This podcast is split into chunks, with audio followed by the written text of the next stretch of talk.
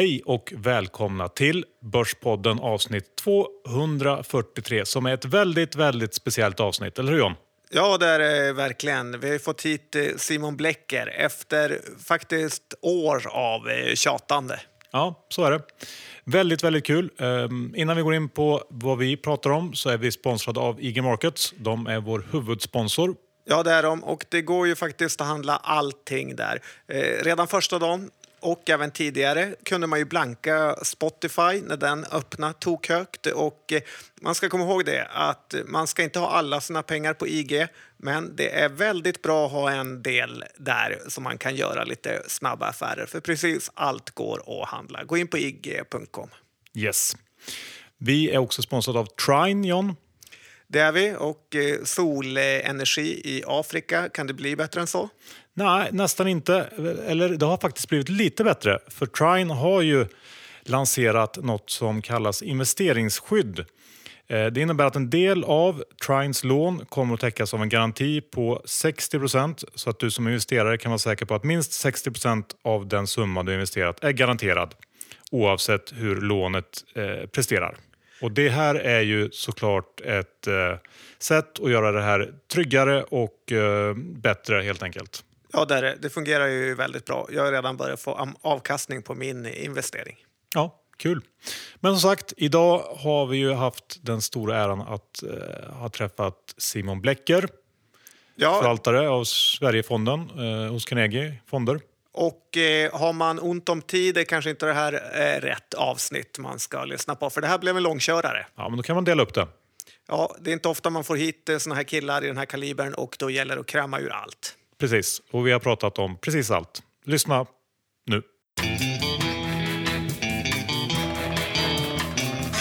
Äntligen har vi Simon Blecker hos oss på Börspodden. Välkommen Simon! Tack så mycket! Lyssnar du något på Börspodden? Absolut. Jag måste ju säga det. Men jag, jag gör faktiskt det. Ja, kul. Ja. Du eh, sa att du, du precis hemkommer från USA. Hur känns det? Är du jetlaggad? Ja, precis. Jag har varit i Los Angeles. Eh, det låter lite barnsligt att vara 40 år och säga att man är jetlaggad. Men problemet är ju det här att barnen har inte så lätt att komma tillbaka. Så de kliver ju upp klockan tre respektive klockan fyra och sätter sig och kollar iPad. Så då måste ju någon vara med dem. Så det har varit några tunga nätter. här. Men det, jag har inte sånt jättesömnbehov så det är rätt okej. Okay. Det mesta att jag känner mig allmänt förvirrad. Jetlag är ju något eh, som man inte ska underskatta, tycker jag. Till och med Martin Gren sa ju att det går inte att bota på något eh, sätt, utan det är bara att härda ut. Ja, nej, men jag, jag ska göra det. Det är lite lättare med ljuset här. Jag tog med mig solen hem, känns det som. Vad mm. gjorde du i LA? Jag hälsade på en syster som har bott där länge. Och ehm, ja, vad gjorde jag? Jag eh, gjorde de här obligatoriska grejerna, lite Universal Studios, lite museum, köade. Man köar mycket. Man var lite Malibu. Jag sprang mellan Santa Monica och ja, Venice, det var ju inte så jättelångt, men jag försökte springa till mot Malibu också. Ganska bra runda efter några katastrofförsök. Eh, jag ska komma tillbaka till löpningen sen. Det är väl den vi ska prata om idag? Eller? Ja, det här är ju löparpodden. Men tog du med dig någon lynchning från eh, USA-konjunkturen? Hur läget är där? Företag som går bra, Disney kanske? Ja, men LA är ju allting så relaxed och laid back och de är så otroligt påverkade av sin filmindustri. Det är ju det enda de bryr sig om. Um, så jag tyckte det var svårt att ta med. Men um, det, är ju, det här är, USA är som stora delar av Europa. Det finns två USA. Det finns liksom öst och västkusten och sen in the between. Och eh, det föraktet som de känner inför Trump och annat. Eh, det är väl ungefär som det är här hemma med politiker och det föraktet vi har. Och man blir, man blir lite lurad när man är Det kanske har varit bättre att åka till North Dakota eller Minnesota eller var som helst egentligen och få träffa en vanlig amerikan istället för att träffa någon i LA som sitter och berättar vilken hemsk president. Det vet vi ju när vi slår in DN. Öppnar man DN varje dag ser det ut som att Trump ska sluta. Ja. Men, men, risken är väl att han blir omvald snarare. Mm. Ja, vi har väl lite av den 51 delstaten till eh, USA. Eh, vi ska ju prata om dig här. Kan du berätta lite om dig själv, din bakgrund och så vidare? Vart, eh, vart kommer du ifrån? Eh, jag kommer från Stockholm. Jag föddes, eh, växte först upp i någonting som heter Kärdal som ligger i Sollentuna nära Rösjön. Ett litet radhusområde. Och där bodde jag fram tills jag var 12. Sen flyttade vi till Lidingö och då växte jag upp där fram tills jag var kanske 19-20. 20. Vad gjorde, vad gjorde dina föräldrar? Eh, min pappa jobbade med leasing. Eh, han hade ett litet leasingbolag. Som, eh, det, var det, som var, det var väl 80-talsflytten från Sollentuna till Lidingö. Eh, men han jobbade först på Handelsbanken egentligen i många år. Det som hette Handelsbanken Finans. Och sen var de några som startade eget leasingbolag. Det var ju 80-tal och eh, det här var ju väldigt kraftigt och väldigt växande. Eh, tills stora skattereformen och hela finansbranschen. Eh, dåtidens finansbransch eh, föll väl. Men de sålde det senare till, eh, jag tror det var AB Kredit hamnade det i. Och sen försvann det väl i GE i takt med att allt. Men det gjorde de. Vad kan man mer säga om min uppväxt? Det var en ganska mysig uppväxt tycker jag. Ganska vanlig familj egentligen. Fanns det något liksom aktiesnack? I, ja, det var extremt. Eh, alltså, det var ett extremt. Vi var ganska samhällsintresserade egentligen. Och eh, det är klart att. Eh, nej, men det fanns ett aktieintresse. Min farmor och farfar höll ju på med aktier. Alltså, båda de var födda i Sverige, men egentligen barn då till invandrare som kom, eh, som flydde från, alltså eh, ryska judar som flydde från pogromerna slutet på 1800-talet då, kan man säga. Eh, min farmors pappa kom ju hit med, eller han kom hit ännu tidigare egentligen, men säg att han kom hit med två tomma händer egentligen. Och blev, eh, började liksom jobba sig upp, blev extremt duktig, eh, blev väldigt förmögen. Eh, ägde, jag tror han öppnade Göteborgs första biograf, ägde massa fabriker, fastigheter. Men mot slutet så blev det väl för mycket av det goda och eh, jag tror när hans fru dog och det kom nya kvinnor och mycket spel och det gick mycket historia om det där. Min farmor hävdade att han förlorade en fastighet på ett kortspel på Avenyn. Alltså en fastighet på Avenyn. Och, eh, han lämnade, och, och, det försvann väldigt mycket företag och grejer mot slutet och det blev lite rörigt. Så att den här förmögenheten, en del spolades ju bort tyvärr då. Eh, men det var alltid så mycket historier från min farmor. Hon hade en jättestor ring kom jag på nu, jag vet inte var den tog vägen. Som hon berättade om. den, eh, den hade hans pappa vunnit på ett kortspel från en som hette Näsan. Han hade så stor näsa och kunde inte betala, kunde inte betala skulden så han fick väl ge sin ring. Han var någon juvelerare. Det var ju mycket så här, det var ju liksom folk som kom hit från början och fick börja bygga upp. Det var ju inte som idag. Idag när vi har har vi haft ganska mycket folk som har flytt från krig och andra elände. Men vi har ju en välfärdsstat som liksom fullständigt förstör i den meningen att de släpps ju inte in i samhället. Och eh, här behövde man ju liksom börja från början på något sätt. Och, eh, det som var fördelen också med den typens invandring var att de flesta kom hit ganska fattiga. Det fanns inte så mycket hjälp. Men då prioriteringen var ju barnen. Man tvingade ju liksom barnen att okej, okay, vi kanske inte lyckas men vi ska bara göra det så drägligt som möjligt och ni får studera. Det var liksom det viktiga. Sådär. Hade du hård press på dig själv att lyckas i skolan? Nej, det kan jag inte säga. Jag är nummer tre liksom, i en skara på fyra. Jag tror att det är ofta värre för de första eh, på något sätt. Eh, jag, jag, eh, hård press. Jag tror att det fanns en förväntan på att man skulle vara duktig i skolan och så. Och det liksom läxor prioriterades, men det var absolut inte så mycket press.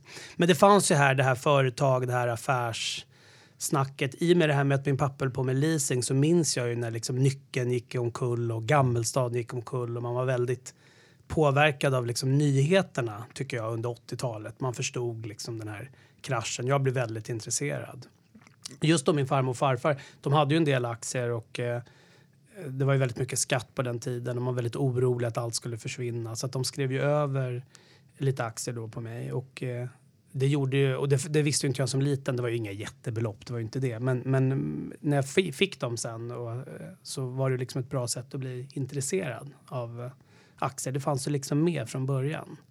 Mm. Och sen började du plugga på universitet. Eh, vart eh, tog du vägen då? Ja, nej men jag höll ju på med det här. Då var jag kanske 15-16. Då började jag hålla på väldigt mycket med aktier. Det var ju alla de här spelen finans och monopol och man förstod liksom hur man kunde det, det, det, fanns tydliga kopplingar där till företag och inte. Så jag började handla ganska mycket aktier. Men jag var väldigt som sagt samhällsintresserad så jag var ju helt besluten om att skaffa mig någon slags politisk intellektuell karriär. Jag älskar ju att skriva och prata och sådär. Så och jag hade någon lärare som uppmuntrade mig till att jag skulle bli ledarskribent. Och, så jag började läsa statsvetenskap i Stockholm och trivdes ganska bra med det. Men jag hängde ju bara vid börsskärmen hela tiden. Alltså det var liksom...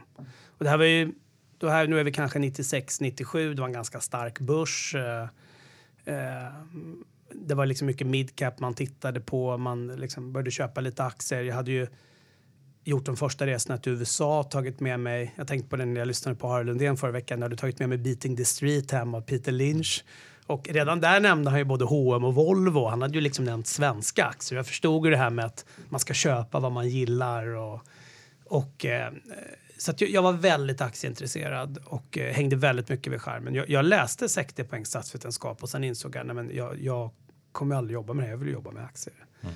Och, eh, men då kände jag måste härifrån så då sökte jag till Uppsala, kom jag in där men då hade, just, då hade jag min tjej som numera är min fru och mamma till barn. Eh, så jag pendlade, det blev liksom inget bra. Jag missade ju hela det här nationslivet och eh, blev en sån här bitter stockholmare som tyckte Uppsala var iskallt, för det var alltid kallt. Gick man av stationen, oavsett om det var december, januari, maj eller augusti, det blåste och var kallt. Mm. Och jag frös och man skulle gå till det här humse. Jag kände det här går inte. Så, så jag bytte till Stockholm sen. Och eh, läste finansiering då och skulle skriva uppsats. Och det blev då, på tal om det här med att förstå och inte, så blev det såklart om fastigheter.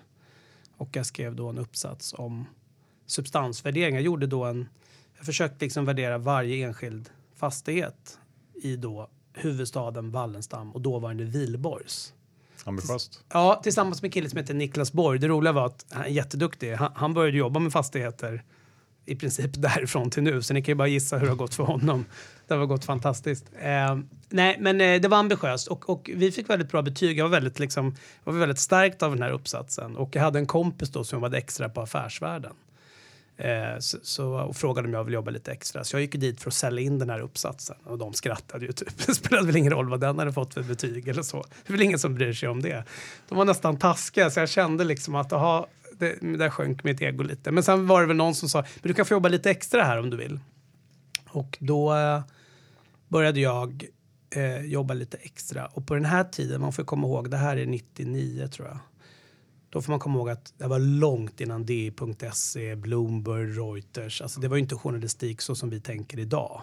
Utan då fanns det ju veckomagasin med långa analyser och DI hade ju börjat sin framgång men inte alls som den som skulle komma sen. Och man tog ju bara in ekonomer egentligen på tidningarna som man lärde skriva. Nu, nu tyckte jag om att skriva, hade lätt för att skriva men jag fick ju ändå gå på Pressinstitutet och sätta mig på någon kurs och det är ju så när man skriver så tror man att man ska skriva svårt om enkla saker, men det är tvärtom. Man ska skriva enkelt om, två, om svåra saker. Vad skrev du om på Affärsvärlden? Ja, ähm, jag fick ju liksom börja. Det var ju lite. Det var ju ingen som var intresserad av fastigheter. Det här var 1999. Eh, Efter kraschen? Ja, hela, jag vill bara säga det att slutsatsen var ju, nej men det var ju innan kraschen. Det här är ett år innan kraschen. Det här är liksom början på 99, så vi har hela 99 och 2000 framför oss. Jag vill bara säga att slutsatsen i uppsatsen var ju att Wallenstam var det mest undervärderade som någonsin hade skapats. Jag tror till och med jag skrev ett brev och skickade uppsatsen till Hans Wallenstam. Och han svarade väldigt vänligt. Tack och jag ska visa det här för styrelsen. Och, jag är jätte... och det roliga var att eh, och jag köpte ju till och med lite Wallenstam. Sen hade jag ju sån moral, så när jag började affärsvärlden kände jag att det var fel. Jag kan ju inte ha aktier här, så jag släppte ju dem naturligtvis. Jag tror den där aktien har varit börsens bästa. Och det roliga är att mycket av det då, de kom ju till rätta med det här med att ja, de fick ju liksom ränta gick till noll och de fick den största uppgången någonsin i bostäder. Men och, icke desto mindre, de började ju återköpa och ta itu med den här rabatten.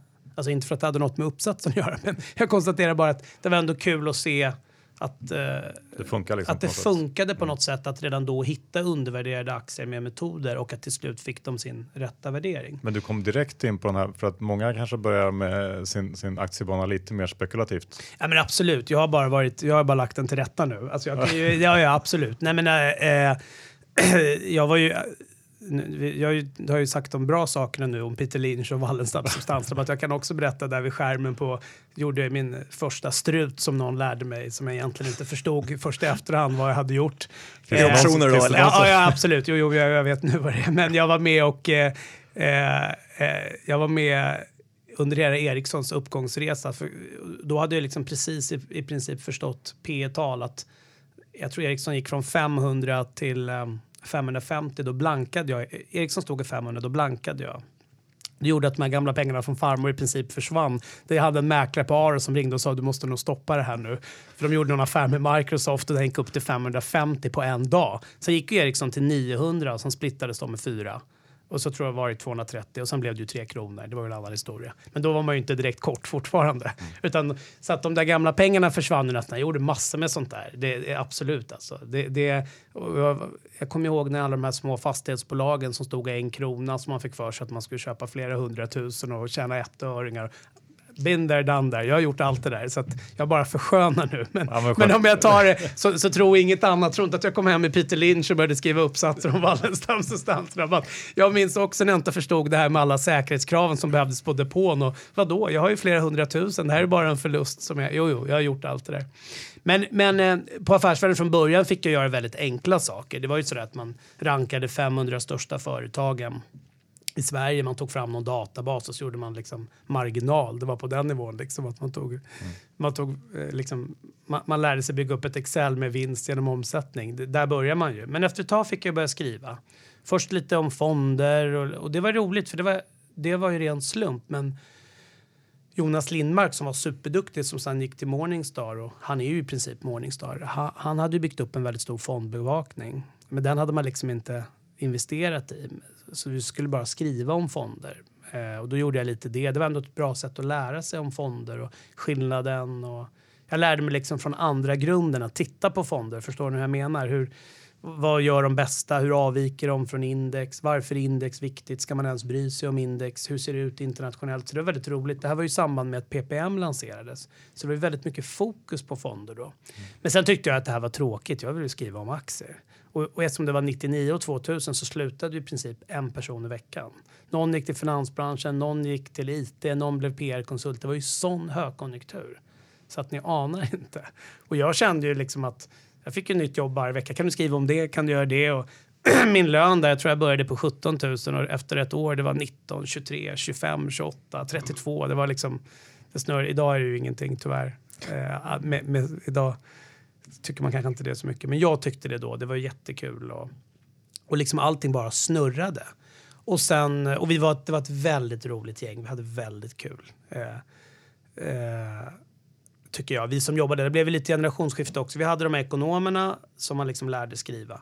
Men sen då, sen kom ju hela kollapsen med eh, krasch. Och jag skulle egentligen säga att den krisen har inte kommit tillbaka till Sverige. För alla vi som sitter i finansbranschen, och vi tänker ju på Lehman och 08. Men det var ju en krasch som var på börserna. Det som var lite läskigt med kraschen 2001-2002 det var att den kraschen handlade om hela arbetsmarknaden egentligen. Alltså, det blev slakt i finans, det blev slakt i IT, det blev slakt i media, Ericsson, alla ingenjörer. Det var ju faktiskt liksom väldigt många som blev av med jobbet och de som kom ut då, som var färdigpluggade, hade svårt att få jobb. Liman och allt var ju katastrof ur ett helt annat perspektiv och det hade ju kunnat sluta hundra gånger värre än vad det de facto gjorde. Men, jag, men då drabbades ju inte så många för räntan föll, arbetslösheten liksom gick ju inte upp så mycket, folk hade mer att konsumera. Börserna kollapsade ju. Men... Var högkonjunkturen högre 9900 än den var om vi tittar 0607? Ja, eller, på, ett, på ett sätt tycker det jag. nu, vilken jag, har varit högst tycker du? Ja, men jag tycker det på ett sätt. Alltså, det var ju en annan, den som var 0607, det var ju hela Kina-boomen, hela råvaror, den drog ju upp hela verkstadssektorn och ur det svensk exportindustri. Men, men det som var lite läskigt 0102, då gick ju industrin fantastiskt de drabbades ju inte. Om ni tänker börsvinnarna, det kommer ju inte folk ihåg, men safe haven på börsen 0102, det är ju Sandvik och Atlas. Alltså det som kollapsar då, det är Skandia, det är VM-data, det är Ericsson, det är ABB på grund av alla de här pensionerna och annat. Investor som sitter liksom med jätteskulder tycker man då. Rabatten exploderar, de har stoppat in allt i spray och bredbandsbolaget samtidigt som marknaden viker ner och tvingas sälja Astra. Nu har ju folk velat att de ska sälja Astra i 15 år. Då tvingades de sälja för att de liksom inte skulle bli för belånade. Industrivärden med sina skulder. Det var liksom, men jag tror att alla som satt med verkstad då tyckte att... Så, så det är frågan, högkonjunkturen 06-07 var mycket starkare för verkstad förstås än vad det var då. Men däremot Stockholmskrisen var mycket större än 01-02. Och det gjorde då att affärsvärlden kollapsade också. Den hade ju levt på annonser från finansbranschen och från Ericsson och annat. Och alla de dog. Ja, men ni kommer ju själva ihåg Matteus, eh, vad hette alla, nordiska, allt bara försvann. Aragon. Alla slogs ihop, blev lite islänningar och så försvann de ett varv till. Va? Eh, och då kom det ju in, då slog Affärsvärlden, halva redaktionen fick ju sparken och då slogs man ihop med det som då hette E24. Och så blev det liksom, då började vi skriva med namn. Då blev det liksom en helt ny grej. Affärsvärlden när jag började var ju som Economist. Det var en ledarsida liksom, utan namn. Man stod för alltihop. Eh, och då kom det en massa kända journalister. Andreas Cervenka och Sofie Nachemsson och Lotta Edling som är chef på eh, idag och Thomas Pettersson då som var chef. Eh, och då blev det liksom mer fart och fläkt. Det var jätteroligt. Man, man fick bild by line och tyckte det var kul att synas och, och sådär. Så att, och det, då kom det in folk som verkligen kunde skriva, sätta rubriker och vara orädda. Och, som kanske var lite mer åt det journalistiska än det analytiska hållet. Alltså de var väldigt analytiska i sin kunskap men de vågade liksom ta plats. Men inte lika bra på aktier eller? Ja, men det vet jag inte, de kanske inte hade det intresset på samma sätt. De kanske hade mer intresse av att göra tidning. Eh, men eh, det kom ju såna listor på Sveriges rikaste och läsarna blev arga. Och liksom, man, man gjorde lite mer säljbar journalistik. Men du lämnade till slut affärsvärlden? Ja, nej, men jag kände ju också att så här, nu går det ju tidningen åt ett annat spår. Så att vill jag till finansbranschen så, så, så måste man nog sluta snart. Um, och vilket år var det? Det var 2006. Jag blev kvar några år. Det var Stefan Dalbo och jag som åt lunch. Uh, jag hade ju skrivit mycket. Du frågade innan vad jag skrev. Det blev ju att många slutade så att jag började skriva mycket om fastigheter. Vilket ju passade lite tyckte jag som hade skrivit uppsats och kunde lite om dem tyckte jag i alla fall. Men jag var ju med mycket och bevakade mycket med fastighetsbolagen, Drott, eh, Fabg. Det, blev ju mycket, det var ju gamla Wihlborg så att säga.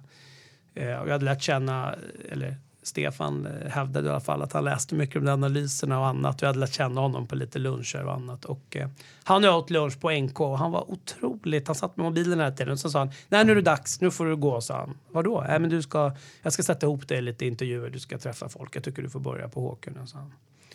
Eh, och då hade jag haft lite kontakt med en annan del av Håkun. Man skulle börja på analys, men det, inte, det blev inte så riktigt. Jag vet inte, vi, vi ville olika saker. Rollen missuppfattades lite och sådär. Men eh, eh, och då blev det att jag träffade Hans Hedström som anställde mig, som fortfarande är min chef. Fantastisk person. Eh, och eh, John Strömgren då, som hade skött Sverigefonden innan mig och som nu sköter vår strategifond. Uh, och uh, då började jag jobba på hockeyfonder. Men det här var ju lite rörigt då för att HQ hade ju, så här är det med fonderna, det har ju bollats fram och tillbaka ganska många gånger. HQ-fonder var ju börsnoterat. Sen köpte HQ tillbaks dem, det borde man kanske aldrig gjort. Ja, så att, eh, vi var ju på väg rakt in i HQ när jag började. Skulle flytta in i, i de lokalerna och sådär. Så det, jag blev ju anställd av HQ Fonder men plötsligt var ju vi en del av HQ och HQ Bank. Fast väldigt självständiga ändå. Det var ju inte så. Men vi var inte börsnoterade längre. Jobbar du något med Mats Kviberg? Jo, men det gjorde jag. Vi, vi eh, liksom inte på daglig basis sådär. Men, men eh, vi hade lite så placeringsmöten ibland och vi satt på måndagar och fikade. Och, bara slängde ut lite idéer om aktier och sådär. Är han lika skarp som han påstår att han är? Nej, men Mats är, Mats är briljant. Eh, det är han. Han har en otrolig känsla för aktier. Eh, det går inte att ta ifrån. Men, men det här att gå liksom från eh, ekonomijournalist till att förvalta en liksom, Sverigefond eh, som liksom var det 29-30 eh, det, det, det är ett rejält kliv. Det var ett rejält kliv, men man måste också komma ihåg att jag hade jobbat så, liksom det var så många år på affärsråden, det var ganska annorlunda mot vad det är tror jag att jobba som ekonomijournalist idag. Eh, och jag hade jobbat så länge med aktiemarknaden och det var inte så stor skillnad på att köpa 2000 Ericsson liksom privat eller 2 miljoner. Och då var det definitivt inte det, för det här var ju långt innan alla datorer. Och sådana som ni som satt på andra sidan och klippte emellan. Men, men det var, då var det ju inte alls så stor. Det var inte så många system. Det var inte sån skillnad som det. Man gjorde ganska mycket via telefon. Det var ju, här var ju långt innan DMA hade liksom exploderat och så. Här. Så det var inte så stor skillnad. Som ekonomijournalist då handlade det om att analysera bolag och liksom hitta de bästa. Och så var det lite som förvaltare också. Det var ju sen liksom i takt med att hela finansbranschen reglerades och allting som det har förändrats tycker jag. Det hade varit mycket svårare att ta klivet idag när det har hänt så mycket, tycker jag. Eh, men jag jobbade ju väldigt nära John. Jag tog ju över en befintlig portfölj eh, och gjorde ju om den. Men eh, jag minns en av de första grejerna jag gjorde tror jag var, var att sälja NCC och köpa Skanska. Och, eh, sälja Alfa Laval och köpa Electrolux. För det tyckte jag var jättestort. Men samtidigt så här, det var väl 200 000 åt alla håll i princip. Och det var väl då en procent av fonden kanske. Och sen byggde man på. Liksom, man, man lärde känna, det gick väldigt fort. Det är ju ingen vetenskap egentligen. Jag tror att eh, det låter lite förmätet, men att eh, ta hand om en miljon och en miljard det är ju egentligen samma sak. Det är samma ansvar, det är lika viktigt. Förstår ni vad jag menar? Alltså det, det, jag blir lika sur om man handlar en tioöring fel fast det är stora belopp som små belopp. Det, det, det är inte stor, så stor skillnad som man kan tro. Däremot blir det en stor skillnad i miljön och hur det är runt omkring och sådär. Men kan du berätta något om det här bakom kulisserna på HQ-kollapsen? För det var ändå rätt eh, turbulent eh, och det har ju fortfarande varit det i media under liksom, tio år efter. Ja, men det pågick ju mycket. Ja, ja, ja, det var ju väldigt trist slut för HQ, eh, får man ju ändå säga. Det var ändå en fantastisk firma. Vi hade ju väldigt roligt. Det, det måste man säga. Och jag tycker ändå att det var otroligt duktiga människor eh, på HQ. Eh, det måste man säga. Sen var det ju lite speciell situation. Den där veckan var ju inte rolig, det måste man ju säga. Det, det var bland det värsta jag upplevt. Men sen var det en lite märklig situation för fondbolaget var ju liksom... Nu hade vi ånyo blivit självständiga. Så att... Eh, jag kan berätta en rolig grej. Men det, det, det jag ska säga var ju bara att nu ägdes vi av Öresund. Vi var ju parkerade där.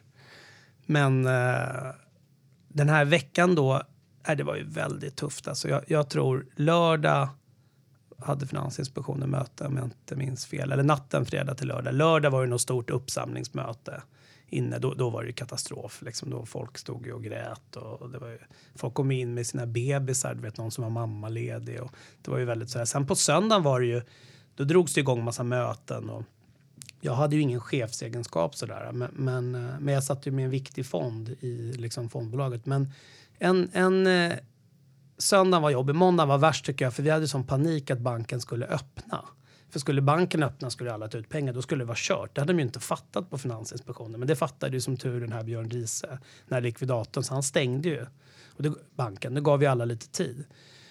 Men sen tror jag det var viktigt för vår del på fondbolaget så var det ju, där var ju Öresund ändå väldigt schyssta för de var ju mån om att vi skulle hamna rätt. Och oavsett vad som hände med banken, var, var skulle vi ta vägen så att säga? Det, de var nog ändå rätt måna om det. Tisdagen så ringde eh, Henrik Falkenberg mig som, var, som fortfarande är min mäklare, fantastisk person på eh, Carnegie. Han, han, ringde mig och eh, vi måste ses och snacka lite. Vad, vad, vad vill ni? Och jag var så nojig då. Det var ju folk överallt, det var journalister utanför. Vi kan inte ses någonstans. Och, ja, men ni får komma hem till mig efter. Nej, det går inte. Folk kan se. Du vet, man tyckte att man var i världens. Så jag och Hans då eh, träffade Henrik och Björn Jansson på hotell Stureplan de bokade ett rum där högt uppe och eh, beställde in massa snittar och så satt vi och vi gick efter stängning till liksom, hotell Stureplan då och satt och diskuterade några timmar. Vad händer om någon bank om, om det blir så att Finansinspektionen tvingar, vi säger Nordea att köpa. Eh, vad, vad, eh, vad händer då med fondbolaget? följer vi med då och, och, och liksom vill vi sluta då? Vad händer då med kunderna? Hur ska man göra här? Vad vill ni ta vägen? Det var väl lite så. Men, men dagen efter då Ja, och, det, och, det, och, vi hade en ganska bra diskussion tyckte vi och vi, vi, vi förstod varandra. Henrik och Björn är jätteduktiga. Men dagen efter då så stack ju 40 stycken privatmäklare rakt över. Det hade ju Frans Lindelöf som var vd då och han visste om det här. Det var nog sanktionerat att Björn och Henrik skulle träffa oss. Men, men då hade han, eller om det var Johan Mörner, jag kommer inte ihåg, som var då PB-chef, de hade ju bestämt sig för att rekrytera 40 stycken privatmäklare. Då dog ju hela HQ plötsligt och då var ju allt off the table. Och, eh, så det var väldigt röriga dagar där. Eh, det, det, där ställde nog till det och Harald Mix visste inte om det där. Så att liksom plötsligt så försvann ju Carnegie ut. Nu vill ju ingen göra affär med Carnegie som de hade tagit. De hade plötsligt sänkt hela värdet på HQ. Man vet ju inte vem som visste om vad. Det var ju väldigt rörigt där. Men jag minns också på torsdagen, då var det i princip klart. Då hade DN tror jag en stor framsida i köper DNB HQ. Men då visste vi att det var klart och då gick vi vi gick till Tures alla och sen hamnade vi på Sturehof och då kom det massor med Carnegie-folk och massa HQ-folk och vi kramade om varandra. Och, liksom. och det gick runt, någon visade, kolla, någon har fått en bild i Luxemburg, några från Carnegie pratar med HQ. Det var mycket så här, vi tyckte att det var världens största. Nu liksom, några år senare kan man tycka att ja, det var väl vår lilla ankdam som tyckte det var roligt. Men på morgonen där så presenterades ju affären i alla fall. Och jag tror att... ehm, Att Carnegie köpte att Carnegie köper Hockey, det var ju inte DNB och allt annat. Och egentligen borde man ha gjort det här från början. Carnegie la ju ett bud på söndagen. Men Finansinspektionen ville väl inte riktigt. Det har ju varit en väldigt tråkigt efterspel på allt det här tycker jag. Ehm, jag tycker att Hockey var en bra firma. Det gjorde säkert massor med fel. Eh, det är ju inget snack om det. Men, men det fanns väldigt mycket värde och vi om inte annat är bevis på det på fondbolaget. Vi har ju vandrat vidare och nu är vi ju en egen struktur i något som heter Karam. Eh, Men, men jag kan ju bara ta med mig att jag lärde mig väldigt mycket på hockey. Vi hade väldigt roligt. Och runt Mats, Mats är ju väldigt duktig, men även Sven och runt honom fanns det ju väldigt många duktiga människor som Anders Elzell och annat som man lär sig mycket bra av. Som, är väldigt, som var väldigt kul att liksom sitta och prata med. Och sådär. Mm, spännande tider. Ska vi, ska vi ta lite, eh, några snabba frågor eh, Ja. innan vi går in på lite mer eh, aktiesnack? Absolut. Jan? Ja, vi sa att vi skulle prata löpning och det måste vi göra. Vad springer du milen på? Jag har gjort milen på 43 och jag är lite besviken över det för jag, jag ska när jag tränar på löpan ligga på liksom 40-41 men jag klarar det inte hela Ja, vägen. men det är ändå bra. Jag är nöjd eftersom jag inte kunde springa för fem år sedan alls. Så jag är nöjd. Vi, vi har hört att du gillar eh, serier, så att vem är du helst? Chuck Rhodes eller Saul Berenson? Saul. Alla dagar i veckan. Han är ju för härlig. Jag sa senast igår att det är den personen jag helst vill vara. Eh, om du inte fick eh, investera i din egen fond, vilken fond hade du valt eh, då? Ja, men då säger jag strategifonden. För att jag, och det säger jag inte för att det är en Carnegie-fond, men det är för att John Strömgren är ju ett geni på riktigt, min kollega. Bra. Eh, lite tråkig fråga, men börsens bästa bolag? Ja, det är ju en tråkig fråga. Eh, för att eh, svaret blir väl som alla att det är väl Atlas Copco i den meningen som det ser ut just nu. Eh, kan man väl tycka egentligen. Att, att du kan ha den formen av marginaler år in och år ut och ändå liksom den balansräkningen, den produktfloran och att ett sånt bolag ändå vågar göra en avknoppning. Det tycker jag är fantastiskt. Man hade kunnat säga Autoliv, men det är ändå fordonsindustrin och finns massa liksom långsiktiga utmaningar. Så att jag får nog säga Atlas Copco. Det är klart jag hade sagt Hennes Mauritz för 20 år sedan. Ja, men det är bra. kommer vi in på H&M. Vad har H&M's eh, största misstag eh, varit? Oj, det är många. Eh, men jag skulle vilja säga, måste jag säga ett? Nej. Jag sku, nej, då säger jag så här. Eh, Topp tre kan du ta. Topp tre skulle jag säga för svag styrelse med för mycket ja-sägare. Eh, för långsamma på omställningen. Eh, alltså liksom hela online. Även om det är det de gör väldigt bra nu. Och nummer tre, att de har inte har vågat stänga tillräckligt med butiker. Jordens bästa resmål? Ja, det är också så trist. Men jag skulle säga New York, möjligtvis Tel Aviv. Men nu var jag rätt nöjd med Los Angeles, men det är ju inte New York. Börsens sämsta vd. Oj, det finns så många. Men... eh, Topp tre här också kanske. eh, men, Börsens sämsta vd. Jag tycker inte ABB har en jättestjärna. Vad heter han? Eh, Spitzhofer. Ja, nej men alltså det, det, och det, är, ju- ett under att en sån kille fortfarande liksom sitter. Um, det har ju varit många dåliga som ändå har fått flytta på sig. Det tycker jag ändå är en av de bra eh, sakerna eh, med börsen, att det går mycket snabbare nu. Eh, jag kan tycka lite synd om Micke Eriksson på Intrum. Han har haft mycket otur, men, men, men det är inte rätt person eh, faktiskt. Eh, sen kanske inte han är så dålig som marknaden tycker, men, men det är fel person där. Det, det är väl en annan. Sen ska jag inte säga att det kanske är börsens tre sämsta, men jag fattar inte riktigt vad Börje Ekholm kan tillföra Eriksson. Måste jag säga. Ja, bra svar. Avslutningsvis, eh, hur ser din privata portfölj ut? Största innehavet är Carnegie Sverigefond. Näst största innehavet är nog eh, mitt lilla, lilla ägande i Carnegie Fonder. Eh, det är stort för mig, men det är ju lite till firman. Det är väl 0, någonting. Eh, sen är det Sverige Select och sen kommer första aktien och det är förstås ganska. Och sen skulle jag nog tro att det är en blandning beroende på hur marknaden går mellan strategifonden och vår nya high yield-fond som jag stoppade in lite pengar i. Och lite längre ner så finns också ett eh, innehav i Volvo. Har du någon liten minibubblare, minibolag som eh, outsider? Nej, men jag har inte det, för jag tycker liksom att det är knepigt att ha egna aktier när man har en fond. Man ska bara ha aktier som man inte säljer. Det är därför jag tycker Sverigefonden ska vara största innehavet. Men, eh, och jag har haft lite mindre bolag genom åren, men nu var det faktiskt länge sedan. Men, men om, eh, grejen är, en av mina stora teser har varit att vi har haft en väldigt stor småbolagsbubbla. Men skulle det kollapsa och man hittar något litet mysigt småbolag sånt där som man aldrig behöver sälja så skulle jag absolut köpa det.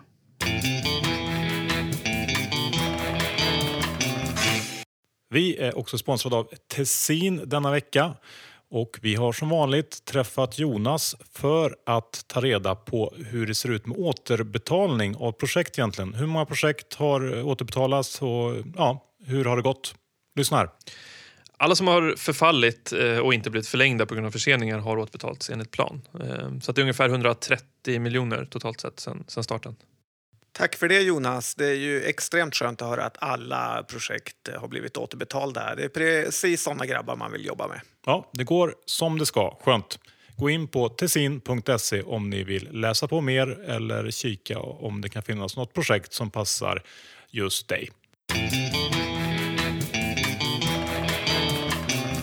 Ska vi snacka lite om, om eh, hur du eh, tittar på aktier? Vad, vad, hur, hur, vad är din stil som man säger? Det är ju en ganska tydlig värdestil. Det, det, är väl det viktigaste av allt. Att inte köpa dyra aktier. Eh, att inte titta på momentum, att inte bry sig om kortsiktiga rörelser. Det är väl en av grunderna. Min drömplacering är ju egentligen att hitta substanscase. Eh, om, om, eh, det är klart att liksom när man hade gjort de här misstagen och förlorat lite pengar på optioner och eh, gjort de här dåliga aktieaffärerna när man började läsa Benjamin Graham och Intelligent Investor förstås och förstod liksom hur enkelt det kan vara men ändå så svårt. För man gör ju konstanta misstag tyvärr. Då var det klart att min dröm hela tiden alltid att hitta substanscase. Det, det, är, det är att hitta liksom bolag med dolda tillgångar. Eh, sen har ju det efter en eh, lång börsuppgång med extremt nedställd på räntorna har man ju tagit död på något sätt på väldigt många av de här. Man har ju handlat, jag menar fastighetsbolag hade ju rabatter för 20 år sedan på 50 till 70 procent kanske. Och det där rättade man till. Investmentbolag hade ju alltid 30-40, nu har många premier. Så att mycket av det där har ju försvunnit. Eh, men det kan också vara att handla, hitta en del i ett bolag som folk inte känner till. Eh, en, en, liksom, titta på ett bolag och tycka att ja, men den här rörelsen finns, men där finns ett dolt dotterbolag som ingen vet vad det är. Det är ju en grej att hitta dolda tillgångar. Som jag i Beijer Electronics. Det gick ju jättebra. ja, nej, men man, jag har också gjort många sådana, jag lovar. Men, men, men, men det är ju en grej. En, en annan grej är ju att inte vara så stressad av cyklerna utan att försöka liksom köpa bolag som är både cykliska och ocykliska men att strunta i vad prognoserna är. Vi är ju inte så analytikerberoende. Vi träffar inte så mycket analytiker. Vi tittar också på estimat och sånt. Men det är ju så här att när konjunkturen viker ner går Volvo ner. Så är det. Men det spelar inte så stor roll. Utan gillar man Volvo då köper man mer Volvo. Och när det är stark konjunktur och aktien kanske är för högt prissatt då kanske man ska släppa lite Volvo. Poängen med det här är ju att det vi försöker göra är att vi försöker ha någon slags chiller eh, teori här där man liksom ger sig på bolag med var är den uthålliga marginalen. Då behöver man inte vara så stressad över cyklerna. Det vill säga om ett bolag omsätter 100 miljarder, nu tjänar de 11. Men vad gör de i en lågkonjunktur? Då kanske de gör 3-4 och en högkonjunktur 13-14. Vad är snittmarginalen? Någon slags chillers PE. Den kanske ska vara 8. Okej, okay, då sätter jag 8. Vi säger 8 miljarder då, tjänar det här bolaget. Eh, och så drar vi av lite skatt och grejer. Vi säger att vi landar på 6. Då sätter vi P15 på det. Varför P15? Jo, för det är ett avkastningskrav på 6-7 procent. Det tror jag är rimligt. Och sen måste man ha rätt balansräkning. För mig är balansräkning livsviktigt. Jag lyssnade på Harald Lundén här som sa nej, det spelar ingen roll vad det är för skuldsättning. Men för oss gör det verkligen det. Sen kanske inte han menade så, men min poäng är att jag kan gärna köpa bolag som har skuld om jag vet att de kan bära skuld. Men det är en ganska bra ansats att köpa ett bolag där det inte finns så hög skuld. för då vet jag att det finns potential i balansräkningen. Vi kan prata om Holmen, jag behöver inte tjata om Holmen hela programmet, men nu är skulden 2 miljarder snart i Holmen med det här kassaflödet. Och vi vet att tillgångssidan kanske är värd 50 miljarder. Då finns det ju en kudde. Det är lite som gamla safety margins i, i Graham och Buffett. Att visst, Holmen kan gå ner 10, 20, 30 procent med börsen och allt det där. Men vi vet att Och det vet Fredrik Lundberg också att skulle han behöva någon gång kan han alltid göra en engångsutdelning på, på 10-15 miljarder. För det pass övervärdet finns i balansräkningen så det är bra att veta. Sen kan man ju köpa bolag, men ett Getinge, nu äger inte jag Getinge vill jag säga, men om jag skulle köpa ett Getinge, det bär väldigt mycket skuld. Men om de inte hade haft massa FDA och trassel på sig så är det ändå den typen av bolag som kan bära skuld. Precis som att ett fastighetsbolag med bostäder kan bära mycket skuld. Men det är bra att få koll på balansräkningen för då kan vi sätta rätt värde. Så för att återgå till frågan då så kan man säga att om man inte kan hitta dolda tillgångar alltid så kan man försöka hitta en övercykelmarginal. Sätta, sätter man rätt marginal, vilket ju det är inte så lätt och det gör man ofta inte. Det är ofta det man gör fel på. Men om man lyckas med det. I Atlas har jag gjort det felet hundra gånger. Jag får alltid en mycket lägre marginal om man lyckas prestera och då blir den alltid för dyr. Men, men med facit i hand så skulle de haft mer Atlas hela tiden. Men är det inte Eh. ett problem för dig som fondförvaltare att eh, när konjunkturen går ner så tar folk ut eh, pengar ur fonderna och när du vill köpa egentligen så är du tvungen att sälja? Och tvärtom kanske. Lite så, och det är en del av det här tråkiga regelverket som vi har skapat att fonderna i princip ska vara fullinvesterade. Att man inte ska, egentligen borde det vara så eh, att man kan sitta på en kassa med 30-40 procent och vid något tillfälle ha noll. Å andra sidan kan man vända på det och säga att den som investerar i mig, jag är ju allokeringen i svenska aktier. Så om någon har 100 kronor och är jättebäsad och känner att jag vill ha 70 räntor, 30 aktier varav 10 av de här ska ligga i en Sverigefond. Då kanske jag kan ha den även i botten. Jag tycker inte att det är så mycket utflöden längre som det har varit. Det har ju varit utflöden i perioder utan att börsen har gått upp eller ner. Jag tror att det klimatet vi är inne i nu, jag kommer tillbaka till det sen, det tror jag är det värsta för väldigt många. Vi, vi kan ju få ett klimat där, där börsen är flat i fem år. Och, och, det, och det i sig är ju en nedgång. Eh, jag kommer tillbaka till det som sagt. Det tror jag är värre för det här. Jag förstår hur du menar att jag sitter och har massa aktier och plötsligt får jag sälja på botten. Men jag brukar ändå tycka att allt går inte ner exakt samtidigt utan ofta får du en stor rörelse. Initialt faller börsen 10. Då, då är det så. Du kan lika väl gå ner i 11 som 7 eller 8. Det är bara random ofta. Ofta går ju dessutom stora bolag sämre för det finns en likviditet som inte finns i mid och small cap. Men får du en kollaps alla 08 och 11 då vimlar det ju av bolag som är helt liksom slaktade. Och då kan man säga, har jag inga pengar att köpa för det? Men jag brukar ändå ha det för att det är alltid några större bolag som har klarat sig som blir relativt sett mindre intressanta som man kan peta ut. Eh, och andra som man kan ta in. Men, men, men i princip håller jag med dig om problematiken. Och jag tänkte på det här du sa eh, att du aldrig vill köpa dyra bolag. Då är det för att du tittar på någon typ av historiskt eh, p-tal eller försöker, intjäning. det är precis så. Jag försöker kolla på liksom historisk intjäning. Alltså jag får ju en chock när jag ser hur Avanza är prissatt. Jag råkar ju veta eftersom jag kommer från HQ att det är 29 miljoner aktier och därför så vet jag ju alltid vad Avanza är värt. Nu den har ju gått från 450 till 400 men fortfarande tjänar de ju runt 10 kronor per aktie och vinsten stiger ju inte. Den gör det kortsiktigt om det kan vara något bitcoin eller något eh, sånt där folk handlar. Eh, Och, jag- och Avanza är ett fantastiskt bolag. Men, men där ser man ju verkligen om långsiktig intjäning 10 kronor ska den vara här uppe. Jag skrattade rätt mycket när jag läste i det att eh, Claes Hemberg hade sålt. Eh, när p-talet nådde till 35-37 tänkte han att där var gränsen. Ja, där var gränsen. ja, nej, men, men, nej, men det, det, det är ju en sån som är... Och, och, nu vet jag inte om vi kom in på just Avanza. Det handlade väl lite om det här med att jo, men dyr aktie. Och det, det, är såna, det är ju ändå ett bra bolag. Hexagon vet jag ju inte vad de gör. Jag tycker det, men jag har ju gett upp. Liksom. Man inser ju att den här värderingen går bara upp och upp och upp. Och liksom, till slut säljer de väl bolaget och man blir ännu mer knäpp. Men, men jag tycker att man ska köpa bolag man fattar. Ingen har förklarat för mig hur deras mätinstrument ser ut. Liksom, hur, vad, vad gör Hexagon? Hur ser produkten ut? Jag tycker det, kan man inte förklara det på en mening, då ska man inte äga aktien. Sen kan man ju säga att den har man ju verkligen missat. Och det, tittar man på nyckeltalen där får man ju ont i magen. Men, men den fortsätter ju. Ja, Men dyra aktier är ingenting för mig. Momentum är ingenting för mig. Jag tycker inte det spelar någon roll om alla vill ha någon viss typ just nu.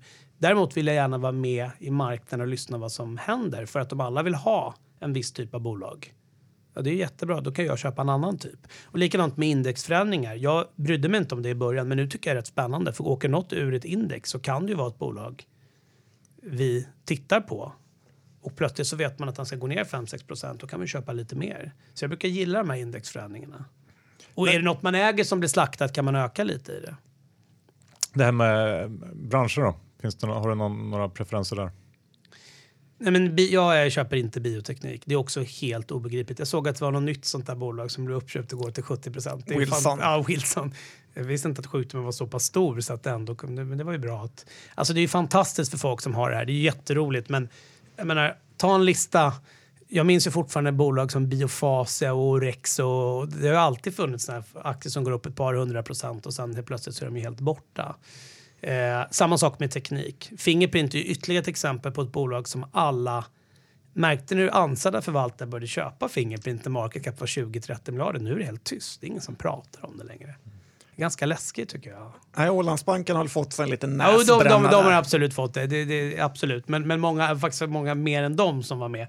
Jag undviker teknik och jag undviker eh, bioteknik. Och egentligen kan man väl säga med fast i hand borde man alltid undvikit Ericsson också. Eh, för mig var det egentligen Eriksson inte heller ett bolag man kan förklara med en mening annat än att de är världsledande och marknadsledare. Men, men det var så lätt när man tittade på Ericsson historiskt liksom på något sätt intjäning att de brukade ligga runt 20-30 miljarder. Sen gick vinsten ner till 5-6. Eh, eller ännu värre, det kunde bli förlust.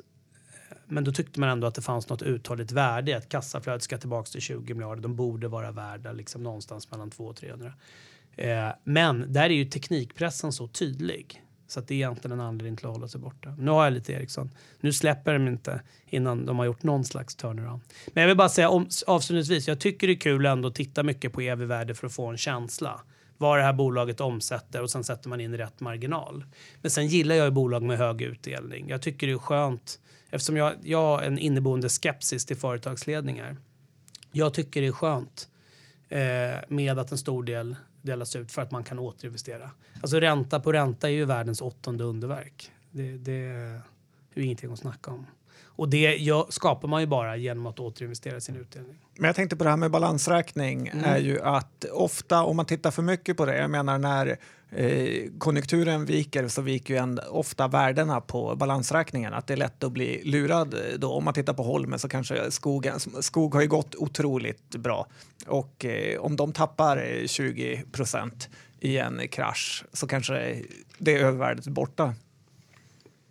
Mm, absolut, det är klart att där, det är väl därför de är så konservativa med, med viss rätt att inte skriva upp sin skog. De har ju ett hundraårigt perspektiv. Det är klart att skogsvärdena har ökat väldigt mycket i Sverige. Eh, och jag tror, nu tror jag att det är en förändring som är här för att stanna. Men det är klart att skulle det komma en nedgång så ska de också justeras ner. Men för mig kan det ju vara mycket också. Därför är det så intressant med Holmen att faller nu har inte SCA så mycket skuld heller, men de ska göra den här stora investeringen i Östran. Faller Holmen så kan man ju säga så här att det finns ändå bara 2,5 miljard eller 2 i nettoskuld och EV-värdet bör på sikt inte falla lika mycket som börsen. Förstår ni vad jag menar? Att när alla var så chockade att varför föll Trelleborg och Boliden och SSAB så mycket 08, 09? Jo, men för att EV-värdet alla bolag föll 40-50, men det är klart att de föll 60-70 för de var så skuldsatta. Så jag tror att till slut finns det en kudde i att okej, Holmen kan fortsätta behålla sin utdelning, de kan till och med höja utdelningen, man kan återköpa aktier. Det finns den typen av safety margin. Men du har helt rätt, det är ju inget skydd för att de inte ska falla. Och balansräkningen i sig, det är ju inte de som skriver upp och ner skogen, utan det är ju vi på sättet vi värderar aktier. Och eh, du var inne på Ericsson här lite grann. Vad tror du eh, Sevian kan göra något bra med det här? Så Christer har ju varit eh, otroligt duktig, det måste man ju ändå, det går ju inte att ta ifrån. Jag tror att det här kommer bli hans svåraste case. Jag, jag tror mycket mer att det kommer vara lättare Autoliv och till och med ABB som inte heller är ett lätt bolag. Men där finns det ändå väldigt fina delar och vågar man bara ta itu med management och annat så kan man nog ändra det. Lite osäker på Ericsson. Jag hoppas för allas vår skull och för landets skull att han fixar det. Däremot kan han ju sätta en press. Det är väldigt bra att han finns där och pressar dem att det går lite fortare. Alltså man, med facit i hand var ju förra ledningen en katastrof och hela styrelsen. Med också. Hans Westberg och Ja, kompani. ja. Nej, men att han, jag, jag är fortfarande irriterad ett par år senare. Det är också en av mina stora missar tycker jag att jag har aldrig varit någon Stig Eriksson-kille. Det är ju inte den typen av aktien vi borde ha köpt. Men jag tyckte att de här ryktena kom om bud från Cisco.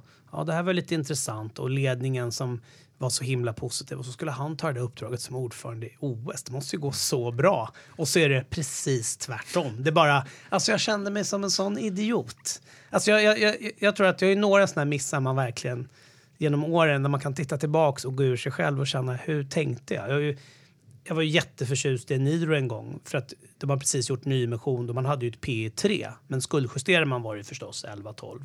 Men där tänkte jag perfekt. Man tar pengar från katalogen, trycker in i sin databas så bygger man liksom ett Blocket eller ett Price Run. Lite som Schibsted hade gjort när de hade köpt Hitta.se och de har ju verkligen lyckats med det där. Då hade man han Jesper Kärrbring som var helt intresserad av allt utom sin egen aktie. Så han tvingade folk till skolbänken och han var inte intresserad av Eniro heller för den delen. Allt bara brann, allt bara gick fel. Va? Ja, nu är han nere på eh, Malta och tävlingscyklar för Mr Green har vi hört. Jaha, ja, nej men det, alla slutar ju i solen någonstans. Det, det är väl inget snack om det. Jag tror hans ordförande på den tiden, Lars Berg, han satt i solen i Spanien och försökte sköta bolaget varje gång vi var på. Men likadant med Ericsson. Jag tyckte det kändes så bra. Hans Westberg var så stark. De var skuldfria, tjänade pengar. Cisco ville ha dem jag trodde aldrig Cisco skulle köpa men jag tänkte det kan driva dem att prestera ännu bättre och det blev så precis tvärtom. Och så den här långsamheten då, att inte låta honom gå och styrelsen som... Nej, och därför är det väldigt bra med Christer, för det sätter ändå lite blåslampa, alla blir lite rädda, det blir lite press på ledningen. Jag tror att det går för långsamt nu. Så det, det, är ju inte omöjligt att de gör en turnaround. Men, jag hoppas det. I ABB har ju ändå varit inne många år och det har liksom inte hänt någonting riktigt. Det har inte hänt så mycket, men sen ska man komma ihåg en sak att det är inte så uppenbart. ABB är ju väldigt billig jämfört med många andra verkstadsbolag. Problemet är ju det här momentumaktiga att marknaden vill ju ha organisk tillväxt och stigande vinst. De är ju lite sencykliska. Så att egentligen ska ABBs vinst komma om ett, två år.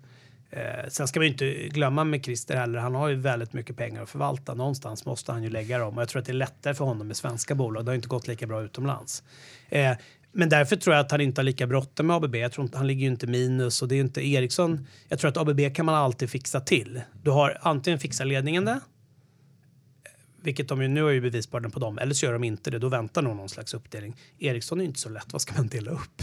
De lyckas ju inte ens sälja de delar de vill sälja. Mm. Men du nämnde att Börje Kolm är inte rätt eh, person för det här bolaget. Vem borde de ha istället? Och liksom, tror Nej, du? men jag vet inte. Jag känner bara att jag tyckte Börje var fantastisk Investor. Jag gillar honom jättemycket. Men att komma från ett bolag med några hundra anställda och sen få hundratusen anställda i ett av världens svåraste bolag. Jag, jag, förstår fortfarande inte det. Men jag förstår inte allt å andra sidan. Vem de skulle ha? Jag tror de ska ha någon extern. Någon som kommer utifrån. Men kan vi, innan vi börjar snacka lite för mycket aktier, kan ja. vi inte bara få någon slags eh, generell outlook från dig så vi vet lite hur, hur du ser på... Nej, men jag, jag, jag älskar ju aktier.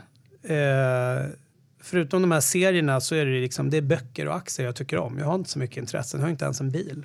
Löpning? Ja, precis. Ja, löpning. Det, det har jag ju skaffat mig på senare år. Men eh, jag, jag, älskar aktier. Jag lever med det här dygnet runt. Och det är klart att det enda jag vill är att marknaden ska stiga. Men jag har varit rädd Alltså om vi bara blickar tillbaks så kan vi bara säga att eh, efter finanskraschen så tog det ett par år för att återhämta. Eh, och liksom, vi fick kraschen 08-09, vi fick återhämtningen. Och sen var det liksom allt hyfsat tillbaks. Sen var det några jobbiga år tycker jag, 12, 13, 14. För då, och det har vi pratat om tidigare när vi har sett. eh, då fick vi en sån multipelexpansion. P talet gick från 13 till 17. Egentligen hade vi tre år av stigande börs med flat vinster. Och det var ju då marknaden började prisa in det nya läget med räntan. Och det tror jag är här för att stanna. Det, ska man, det är absolut. Tittar vi hundra år tillbaks så den stora bubblan på räntor det är ändå 80 och 90-talet. Både upp och ner. Det här är förstås ingen normal ränta att vi har minus. Men det här att folk snackar om 15, 16. Det var ju också lika extremt. T tittar man liksom realt så, så är det inte så stor skillnad då och nu. Utan jag tror liksom att långsiktiga räntan kommer vara någonstans mellan 2 och 3 kanske uppåt fyra i USA och kanske toppa på två här hemma. Jag tror inte vi kommer få se eh, större räntor. Sen kan jag förstås ha fel, men, men det är min ena syn. Men tillbaks då till det här med börsen så vill jag säga att då hade vi eh, kollaps, återtag, sen var det några år som jag tycker var jobbigt. Och då, och då var de här 12, 13, 14 börsen steg eh, utan att vinsten gjorde Sen fick vi igång konjunkturen sista ett, två åren och då exploderade vinsterna och börsen med den. Men då har ju inte liksom P-talet stigit längre utan nu är vi tillbaks på något sätt på på, nu, nu har vi ett P på kanske 16-17. sen kände jag för ett, två år sedan att det kommer komma en stor krasch här. För att det har gått för lång tid utan krasch. Men tills jag insåg, bara för ett tag sedan, att det kommer kanske ingen krasch för alla vill ha den där kraschen. Utan det vad som händer det är att börsen bara, den kan ju gå en procent ner i fem år. Jag tycker det är lite det som håller på att hända nu. Jag lyssnade faktiskt på dig för några veckor sedan när du sa att börsen har gått ner i tre år. Och det kan man ju tycka när man tittar. OMX har gått 1720 till 1500. Men eftersom vi har fått 3-4 procent i utdelningar varje år när vi lägger tillbaka dem så är vi ju i princip flat. Och det, liksom, när jag satt eh, sent uppe i USA fredagskväll och tittade på börsen då kände jag att måndag i Stockholm kommer ju brinna. Och sen kom man upp, ja, då var det någon termin som pekade upp så då gick det upp. Men sen vände det ner i USA på kvällen och sen fick vi den där nedgången på tisdagen. Men sen gick det ändå upp i onsdags. När vi gick in i studion här så var det ju upp. Det kan ju lika väl vara ner nu. Vi har ju ingen aning. Och det här tycker jag liksom är och det här är det här tecknet. Varenda person, och det måste ni också känna som man pratar med, ah, men en riktig korrektion. Alla vill ju att det ska gå ner 20-30 procent, 40-50 på småbolag och så bara springer vi ut och gör om portföljerna, köper aktier. Och, Gud, jag har ju amorterat sista åren, det behöver jag ju inte längre. Nu köper jag mer Sverigefonder mer. Men jag tror det är lite för enkelt. Jag tror tyvärr inte att det blir så. Ja, tyvärr, bra poäng. Bra poäng. jo, men tyvärr ska jag inte säga. Det är klart ingen vill ha ner 30% men då skulle man bli av med lite bubblor och alla de här galna IPO-bolagen. Det har kommit så mycket skräp på slutet så det finns inte. Det skulle liksom, vi skulle få den här urrensningen vi behöver. Men jag tror att vi får inte den. Jag tror centralbankerna älskar det som sker nu. Harald Lundén han sa ett av de nya korten på marknaden är ju centralbankerna och jag håller med om det. För dem hade det varit jättejobbigt om börsen gick 20 till för då måste de nog dra tillbaks men då får det ju krasch. Det här tror jag är perfekt för dem. Ett steg fram och ett steg tillbaks. Plötsligt så går tioåringen i USA upp till 3 Alla blir livrädda. Nu kommer börsen krascha. Så börjar den gå ner. Ja, då går tioåringen ner. Och så är vi tillbaks på ruta ett. Folk börjar köpa fastigheter och annat. Och jag tror att vi kommer ha en väldigt seg period. Jag tror det kommer bra kvartalsrapporter nu som ingen bryr sig om. Utan när det kommer bra rapporter kommer folk säga ja men bättre än så här blir det inte. Eh, och så kanske inte det går upp och en dålig rapport blir riktigt slakt. Men någonstans tror jag när Q2 och Q3 kommer så tror jag ändå att jag tror att konjunkturen kommer hålla i sig ganska länge. faktiskt. Den har ju tippat över om man tittar på PMI och lite sånt där. Men jag tror att den kan ligga på en hög nivå länge. Det här scenariot du målar ut nu börjar vara något typ av mardrömsscenario för daytraders Ja. där det inte händer någonting på flera, hundra, flera år. Och Fem år av stillastående kurser ner 1 procent. Jag kan säga så här det räckte även 2012 hur det halvåret eh, var ju mellan sommaren och vintern. Det var ju fruktansvärt när börsen knappt rörde sig någonting. Ja, nej men, och det, det är roligt, den kan ju, du kan ju ha vollan har exploderat i år tycker alla. Fast tittar vi historiskt är det ju bara på en normalkurva. Snarare var det att 17 var det konstiga, det gick upp och upp och upp och upp. Men tittar man på första kvartalet Säg att börsen är lite ner någon procent. Jag såg i tidningen nu nästan alla hedgefonder är ner någon procent. Vissa är mer, ännu mer. Eh, corporate bonds går inte längre. Eh, alltså företagsobligationer, spreadarna liksom spreadar isär lite. Det är, liksom, det är allmän oro men det är ingen krasch. Så fort du får några procent ner kommer det in köpare och vice versa på uppsidan. Jag tror att den här nu är det väldigt smalt på OMX 1500 till 1520. Så kommer det inte bli. Men säg att, säg att vi kommande en, två år rör oss mellan 1450 och 1600 och man liksom bara tröttar ut den här marknaden. Det, det kan likväl hända. Men det finns fortfarande, tittar man på Stockholmsbörsen nu, tittar man på OMX så måste jag säga att det är ju inte så dyrt längre som det har varit. Såvida det inte är så att bank är en riktig katastrof. Att det är liksom en value trap. Men, men nu tror jag att nu prisar vi banker på 11-12 gånger. Eh, tittar man nu, om man bara snabbt tar OMX så kan man säga att tittar du på liksom bank nu på 11, 12, 13 gånger med 6-7 procent yield. De har ju inte delat ut allt så de bör ju klara 10 % i vinstnedgång och ändå kan hålla utdelningar. För ingen bank behöver ju direkt växa i det här landet där alla har oligopol. Men säg bank på de här nivåerna. Jag menar, hur illa vi än tycker om Ericsson respektive H&M. Jag menar, H&M har tappat två tredjedelar. De har faktiskt gått upp sju dagar i rad nu, konstaterar jag. Vi kan prata lite H&M sen. Men, eh, men eh, Ericsson och H&M är inte så dyra. Bank är inte så dyra. Telia ser inte så dyrt ut. Volvo ser inte dyrt ut. Även om det är på toppen av konjunkturen som vissa tror. Det som är dyrt är ju några verkstadsbolag. Eh, Där kanske det finns en nedsida på 20% Men säg då att de är 20% av marknaden. 4% ner. Alltså jag, jag, jag har svårt att se, sen kan ju börsen krascha 30-40 ändå, men jag har svårt att se att det finns så större nedgång. Det som är läskigt är ju om bostadsmarknaden fullständigt havererar. Och vad som händer då med liksom midcap och eh, hela den sektorn. Det, det skulle kunna vara Men nu när vi ändå är inne på makro, du har inte nämnt eh, Trump och liksom den eh, krig, olika krigsmöjligheterna som eh, jag- verkar finnas där. Jag känner man har ju hållit på med det här så länge så att man blir så luttrad så att stå och oroa sig för terror eller krig det kan man göra varje dag. Det gör jag ju varje dag som människa. Men jag tror inte man kan lägga in det i börsvärderingar. Trump, det är också rätt intressant. Världen är upp och ner. Eh, helt plötsligt öppnar Kina för mer marknadsekonomi och Trump vill reglera. Alldeles nyss var Putin hans bästis och Nordkorea skulle slaktas. Nu är Nordkorea och han ska ta en burgare. Och Putin och han har aldrig varit längre ifrån varandra. Det är värre än kalla kriget och ryssarna ska få smaka på robotar. Alltså vi har en clown i Vita huset. Det är ju end of story. Vi har en jätteclown. Men tyvärr är det inte som Dagens Nyheter tror att han får gå imorgon. Utan tyvärr lär han sitta ett tag. Har vi tur så, så, så kanske han inte gör det. Men vi har en clown i Vita huset. Men jag tror ändå att när det kommer till slutändan så tror inte jag jorden går under.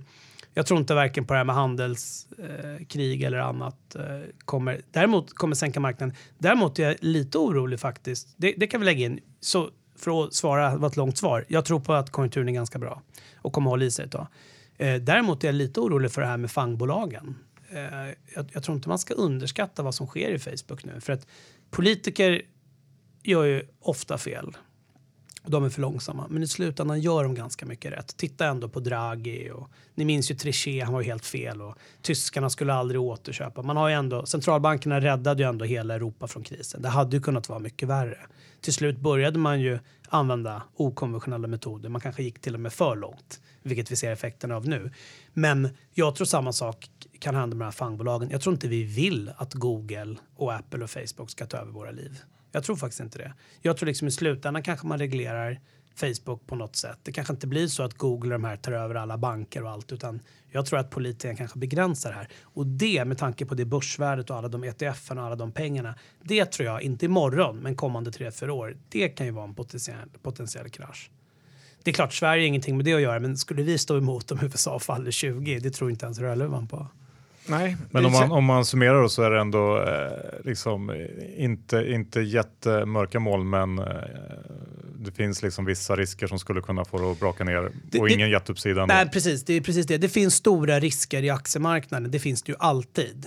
Eh, är de större nu än vad de var för några år sedan? Jag vet inte. Det är klart att terror, krig, allt sånt där alltid finns. Eh, det finns stora risker, men däremot tyckte jag du fångade mig ganska bra. Det är svårt att se någon jätteuppsida. Och det får mig tillbaka till ett grundscenario som vi har haft i flera år. Man ska vara glad om man får 4-5 avkastning på aktier. Och då tycker jag att, och det här är min långsiktiga vy, jag tror vi är inne i en period på 10-20 år med låga räntor och hyfsat höga P-tal.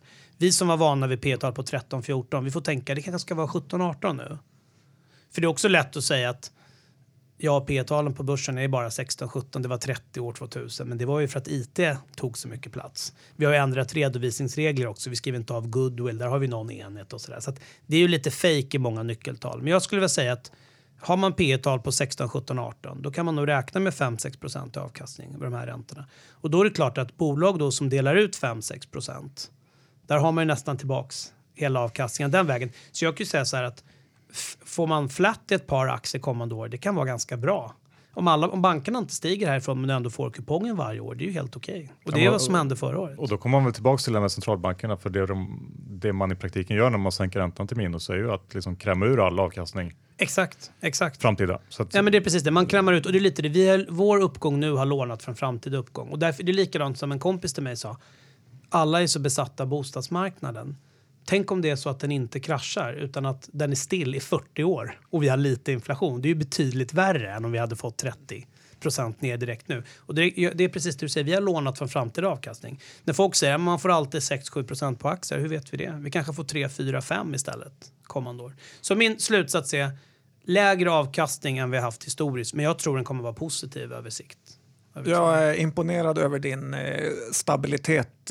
Eh, både jag och Johan eh, kan ju möblera om hela portföljen efter en mardröm eller en känsla vi har fått någonstans. Men du, du håller fast till vid, vid din åsikt.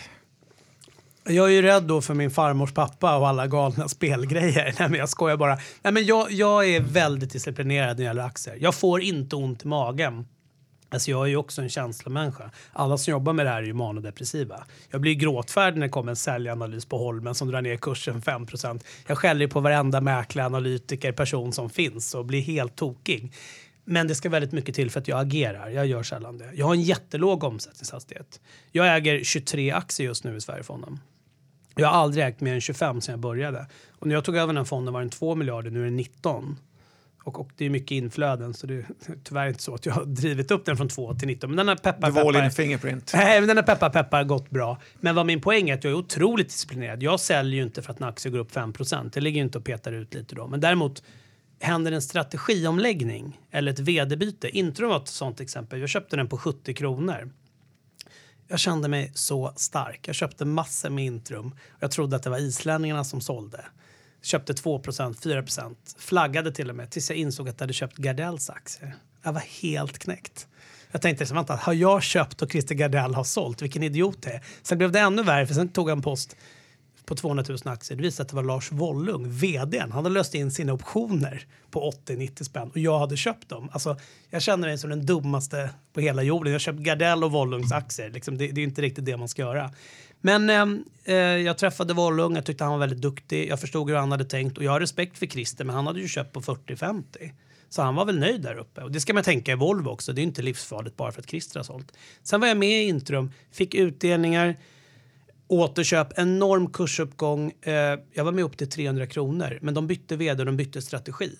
De hade hela tiden en ganska låg skuldsättning i sin egen business eftersom de ändå jobbar med högrisk verksamhet, apropå det här med rätt balansräkning. Sen köper de Lindorff och skaffar sig 30 miljarder i skuld. Det var inte riktigt vad jag hade signat upp på. Då säljer jag absolut. Jag sålde ju trots att aktien fortsatte upp. Sen har den kollapsat sen, men det hade jag ju ingen aning om. För mig var det, de bytte strategi. Och jag kan inte äga ett skuldsatt bolag om jag köpt in mig på ett annat bara för att det passar och alla analytiker sa EPS kommer explodera, P talet är jättelågt. Men Intrum måste vi gå in lite mer på för att eh, de de hade ju den här jättehåsiga kapitalmarknadsdagen här i höstas eller i vintras.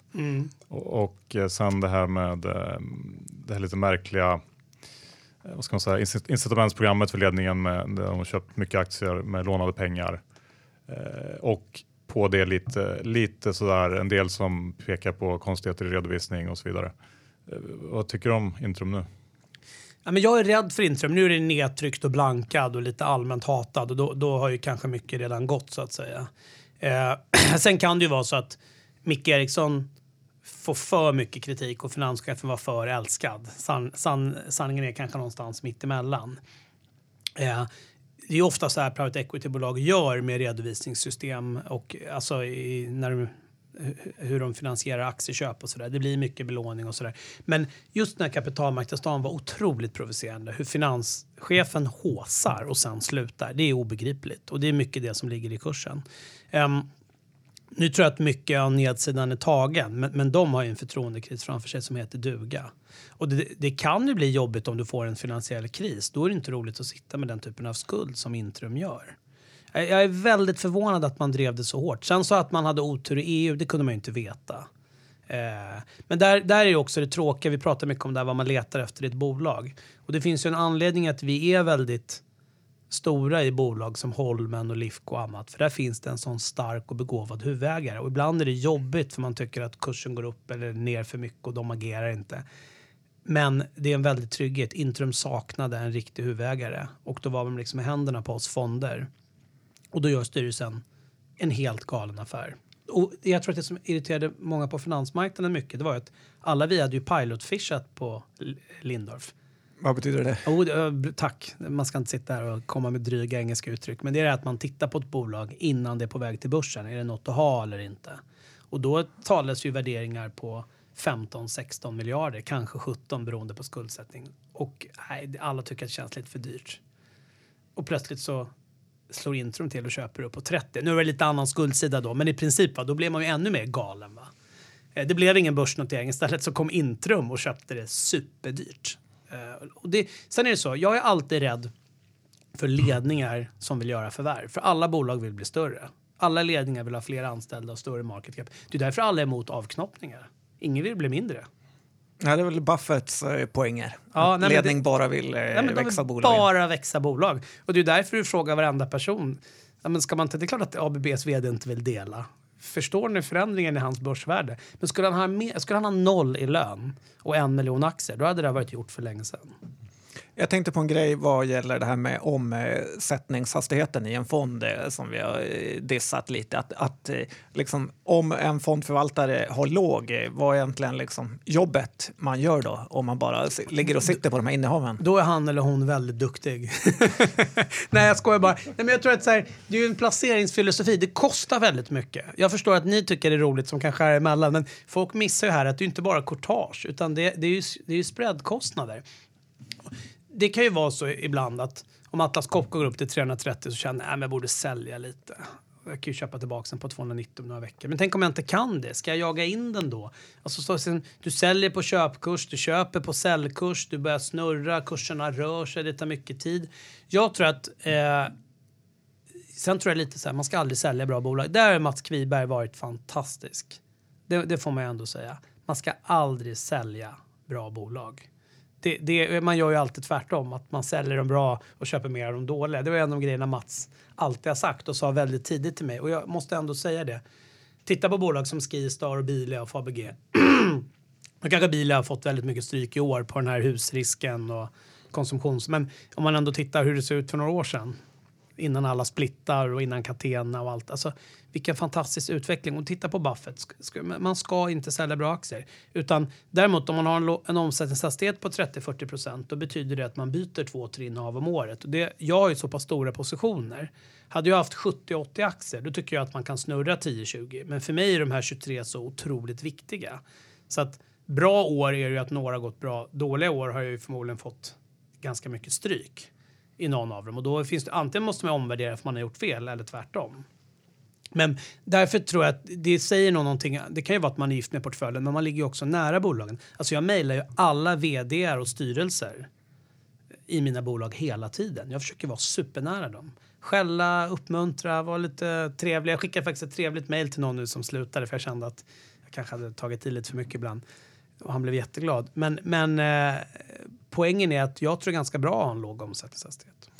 Och eh, en annan grej vi har pratat om är det här med att träffa ledningar eller prata med ledningar. Att de är, det är lite som när investerare har frågor till dem, är det lite som eh, läxförhör eh, att, eh, för barn. Att man liksom gärna överdriver hur positivt det ser ut och vad man är på väg att göra och i framtiden är.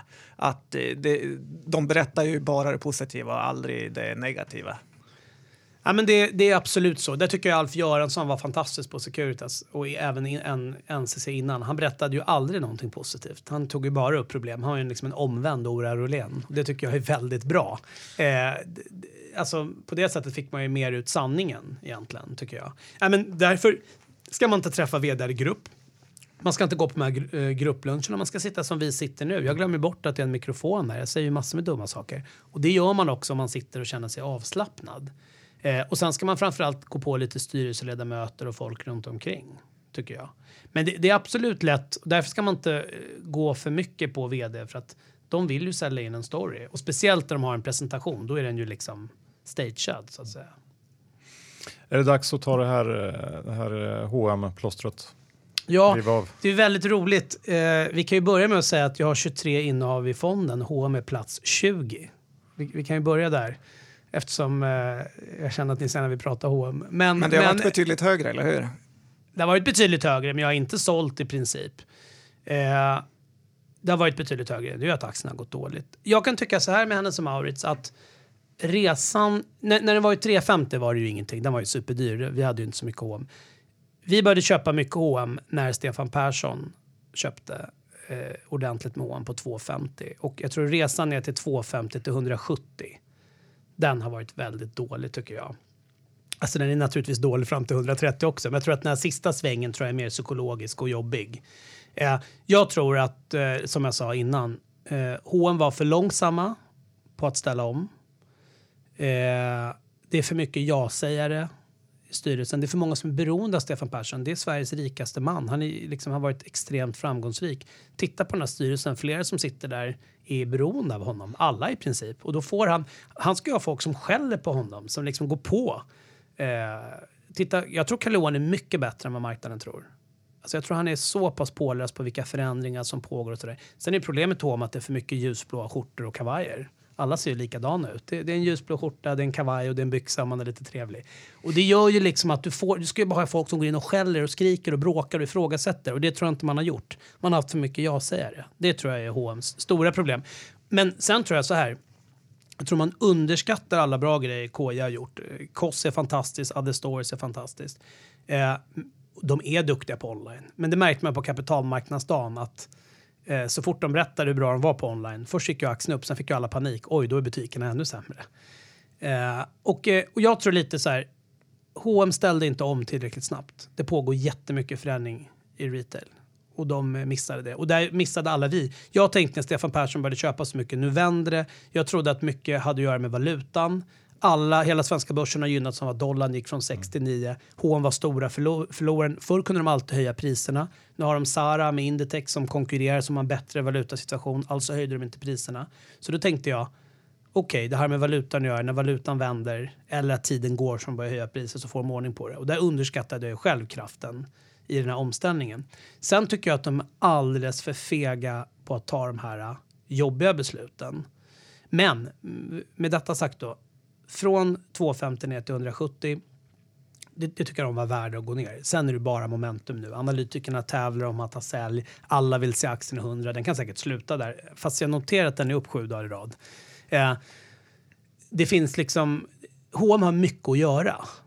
Men min tes som jag drog för er när vi sågs i julas, det är väl därför ni frågar mig nu, det är ju att jag tycker H&M ska landa som ICA. Det står jag för. Alltså, kan man få en, tillbaka stabiliteten i H&M då tycker jag att aktien ska handlas på liksom 17 gånger vinsten. Då tänker jag så här, H&M omsätter en bit över 200 miljarder.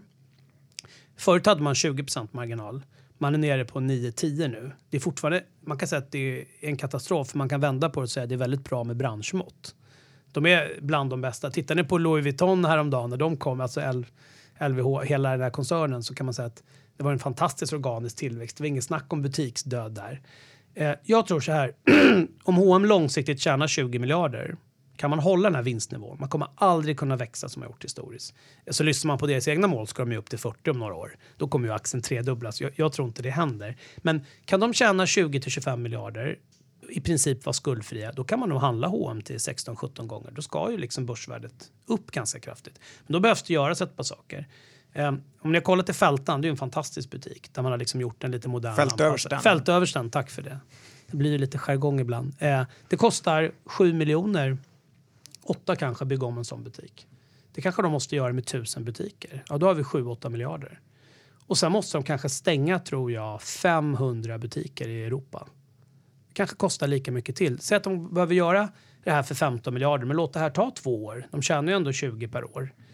Och sen måste de... Varför fort... bara göra om tusen? Ja, men jag tror så här, de har ju 4 700 butiker. Eh, och jag tror att de här, de har, hade ju sån hög takt sista åren. Så att de här de har öppnat sista 4-5 åren tror jag ändå är ganska bra. Och där ligger nog en 1000-1500 butiker. Jag tror problemet, och jag tror att allt det som ligger i nya länder om man får säga så, är ganska lyckat. Jag tror problemet är Västeuropa, de här gamla butikerna i tyska småstäder och nere i Frankrike och annat. Där tror jag man måste stänga en masse. Och sen vid något tillfälle våga skriva ner varulagret. Det, men det är sånt där sitter i för dem tror jag. Um, jag tycker att du ger KJP lite för mycket cred. Nej, men det gör jag väl inte. Jag, jag tänker ju att, eh, att han har startat de här nya ja. kedjorna när de har en megahärva i sina vanliga, att han har lite fel fokus. Han öppnar en arket, är jättenöjd med det, när 4000 butiker går i käpprätt. Ja, nej, men jag, köper, jag köper det. Jag tycker inte jag ger honom. Jag säger bara att jag tror att mycket av kritiken är överdriven jag, jag, vill backa bandet. Jag vill bara konstatera att de koncepten han har lanserat har varit bra. Jag säger inte att han gör rätt nu. Jag säger bara att de här another stores och kost tror jag är ganska bra. Man kan vända på det. Man kanske aldrig skulle öppnat de här Arket, Kost, Other Stores utan bara fokuserat på H&M från början. Det kanske hade varit rätt. Strunt, man har ju försökt göra allt som konkurrenterna gör. Men jag tror ändå att online-satsningen är underskattad. Tittar jag på någon slags breakup här så tror jag att online ihop med mycket annat är värt eh, ganska mycket. Men jag, jag håller med dig. Eh, de är ju inne i en svacka nu. De måste vända det här.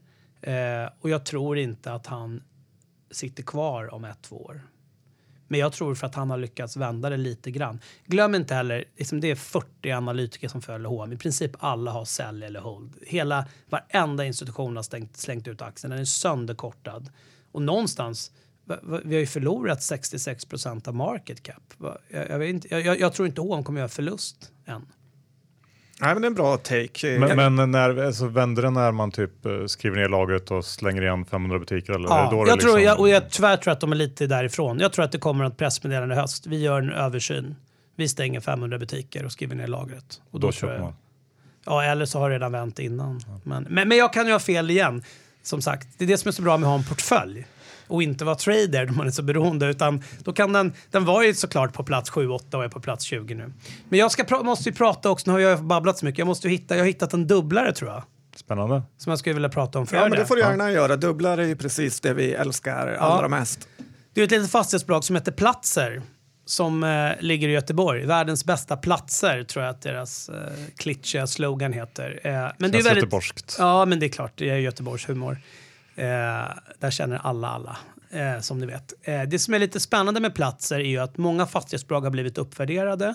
Vi såg ju nu budet på Victoria Park i översubstans och det tyckte flera idéer bland annat var alldeles för lågt. Här har du ett bolag, Platser står i 53, 54, 55 man tror att substansen är 60 men man har missat då att de sålde väldigt mycket byggrätter i eh, Gårda till bra köpare, PA, Bonava och eh, några Eh, privatvärdar. De här fastigheterna får man betalt för så fort detaljplanen är klar och Göteborgs kommun och stad är med på det här så att det, det kommer de få. Då får man loss eh, en och en halv miljard till. Ja, så här, då kommer substansen vara 70 i platser. Men det är bara den synliga. Jag tror att den är 100. Jag ska dra det lite snabbt då. Eh, Platser har ett börsvärde på 6 miljarder. Man har eh, en nettoskuld på lite över 8, så det är runt 14, 14,5 kan man säga att EV är. Och de har 800 000 kvadratmeter. Så snitt värderas då en kvadratmeter till 17 500 om jag räknar rätt nu.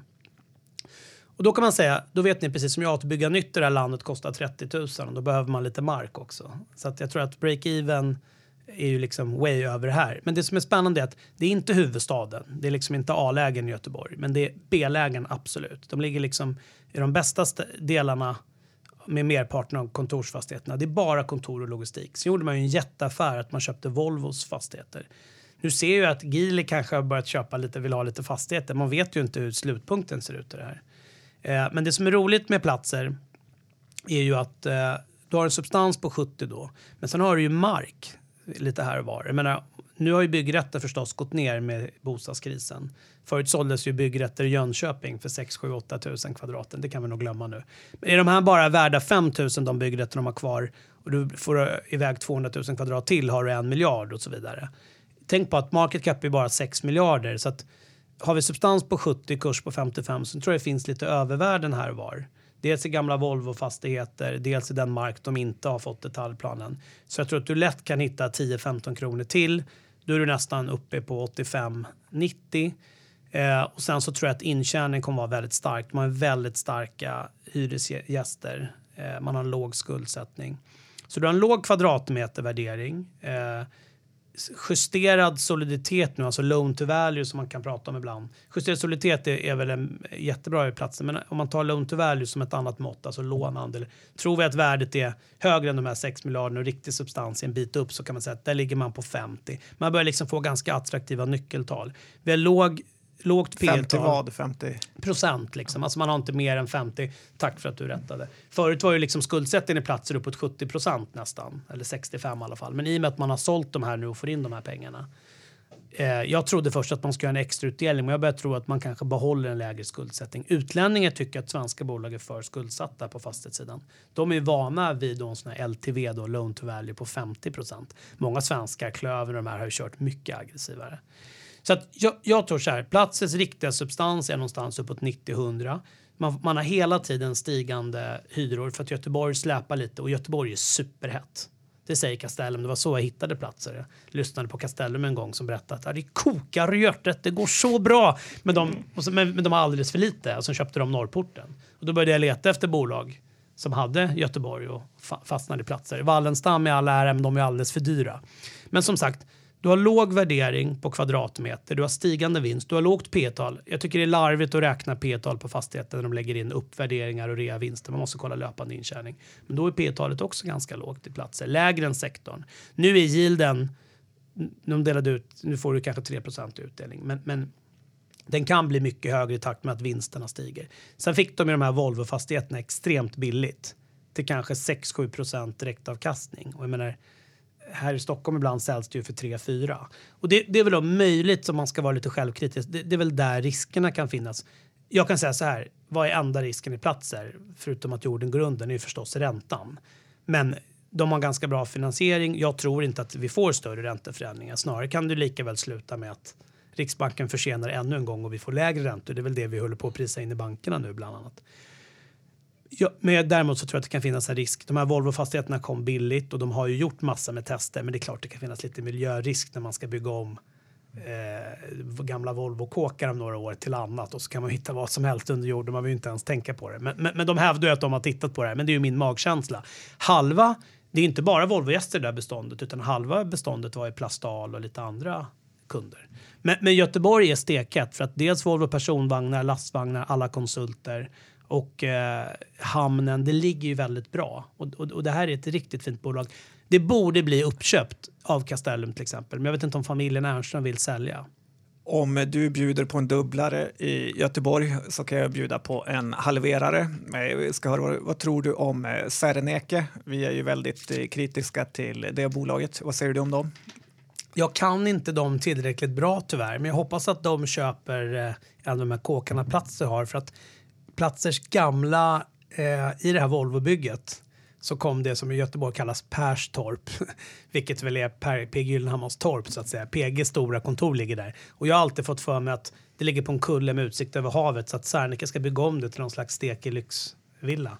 Eh, jag noterar att, jag, jag kan inte Serneke, men jag vet att Viktor gillar dem, men, men, jag kan dem inte alls. Men jag kan konstatera att många av de här bolagen, Tobin, Oscar Properties, jag har hört vad ni kallar alla de här. Eh, ja, alltså det är... Um, det, det, finns mycket att säga om dem. Jag har väldigt svårt att tro att de här mindre bolagen, Alm, jag vet inte allt de heter ens, att, att det ska kunna gå och tjäna lätta pengar på att köpa mark för 30-40 kvadraten, bygga för 30-40 och skicka ut 10, 20, 30 000 per kvadrat i skuld till föreningen. Jag tror inte det går. Jag tror vi kommer ha nybyggen som står tomt i många, många år i det här landet trots bostadsbristen och det är en väldigt allvarlig faktor. Så kan jag säga. Ja, men det är bra. Då bjöd vi på en dubblare och en halverare kanske. Det var du. eh, vi ska titta på din eh, portfölj med. Eh, är det något eh, av de största innehaven som du känner lite extra för? Ja, men nu i dagarna känner jag faktiskt väldigt mycket för Volvo. Det är ju ändå så att aktien har kommit ner kan man säga EV-mässigt. Volvo gick väldigt starkt förra året men vinsten exploderade. Som ni minns så bryr inte jag mig så mycket om det här. Jag började ju inledningsvis med att prata om att det spelar ingen roll att vad som händer i år och prognoserna för det viktiga över cykeln. Och det står jag verkligen för när det gäller Volvo. Men jag tror man missar två saker i Volvo. Det ena man missar är att de har gått från skuld i rörelsen som var ganska hög till en nettokassa. De har en nettokassa på 20 miljarder. Tjänar de 20 miljarder även i år, då är nettokassan 40 miljarder. Och sen tror jag nu i takt med att Atlas delar ut Epiroc, i takt med att Autoliv blir två, pressen ökar på ABB. Nu har ju Volvo fått den här märkliga kinesiska huvudvägen. Bästa sättet att mota Olle i grind, även om ledningen kommer säga nej, nej, nej, vilket de ju alltid gör. Sen säger man ja, det kallas en Göran Persson. Ska du ta över? Nej, nej, nej, nej. Eh, så tror jag att man kanske faktiskt knoppar av VCE. Och då får man ju ändå ett bolag som omsätter 70 miljarder och titta på P talen på John Deere och Caterpillar. Alltså, då tror jag att det är en enorm potential kvar i Volvo.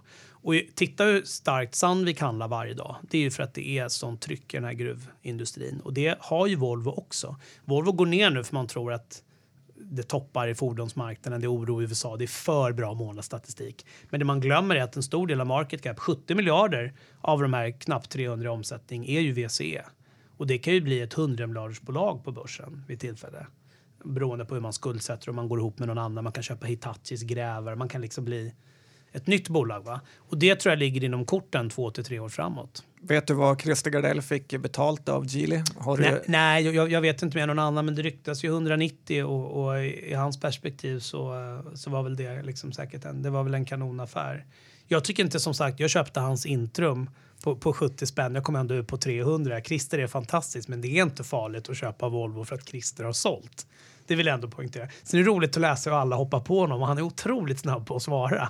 Han hängde ut Bert Norberg häromdagen och Svanberg förut. Det är rätt kul faktiskt. Ja, han är en bra injektion till börsen. Men du, han har ju gått in i Autoliv. Har du några av dem? Ja, jag har Autoliv. Den ligger precis under den där lappen du har framför dig. Jag gillar Autoliv starkt. Eh, sen tror jag inte det blir någon jätterapport därifrån. Men här tror jag att gamla Autoliv kommer verkligen bli ett värdebolag.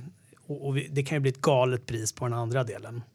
Så att, eh, låt oss följa det där. Jag tycker uppdelningar är väldigt spännande och är här för att stanna. Eh, man talade ju alltid om, när jag började i den här branschen, då gällde ju fusionerna. ABB hade ju liksom startat AstraZeneca, blev världens största läkemedelsbolag. Volvo skulle gå ihop med Scania, sen blev det Renault. Nu går vi åt andra hållet. Då var det fusioner, nu är det fissioner. Vi har sett allt från NCC, Bonava, Essity, SCA, Bergman och Beving har gjort 48 stycken. Det kommer ju en i veckan. Momentum, BB Tools, alltså det är ju fantastiskt. Eh, det var ju faktiskt, och, och jag tror att det här kommer fortsätta flera av de här bolagen jag äger, Essity och annat, de kan ju göra flera igen. Man kan ju dela ut personal care och tissue. Alltså, vi, vi får se vad det tar vägen, men min, vi har ju också gjort en sån. Vi var en del av Carnegie och nu är Carnegie Fonder en del av Karam. Jag tror ju att bolag får lysa och växa närmare självständiga. Vårt lilla bolag, hur våra it-kostnader gick ner när vi lämnade Carnegie, det var fantastiskt. Sen fick vi ingen surf nästan i telefonerna så det kanske jämnar ut sig. Men, men, men förstår ni poängen? Jag tror ändå att den här trenden kommer vara väldigt stor och den kommer skapa möjligheter för oss. Det kommer komma in ur aktier och index. Alla kommer jaga Epiroc eller inte. Då får man ta gamla Atlas. Alltså det kommer finnas mycket att spela på tror jag. Så jag tror att det är väldigt roligt för aktiemarknaden med de här nya bolagen. Det kommer alltid nya bolag. Det kommer alltid nya idéer. Mm, det är kul. Jag såg en, eh, läste ett av dina eh, månadsbrev där du pratade om SKF, att det är väldigt billigt eh, och även att du var lite besviken på utdelningen där. Det är ett stort innehav i din fond. Det är ett jättestort innehav och det, det är obegripligt när liksom man har stigande vinst, allting går vägen och man lämnar utdelningen oförändrad. Då förstår man liksom inte aktiemarknadens signaler. Varenda verkstadsbolag höjde utdelningen utom SKF. Och de ägs ju jag tror att hade Investor varit huvudägare då hade man känt sig mer stressad. Att man höjer utdelningen så att man i sin tur kan höja Investors utdelning. Här är ju de här gamla Wallenbergstiftelserna och de kanske inte är lika pigga på att hänga med och inte lika behov, men de måste ju ta hänsyn till alla aktieägare. Så jag tycker det är ett underbetyg till SKF styrelse. Nu får man ju, och sen tror jag Leif Östling hade ju lite annat att göra den här tiden.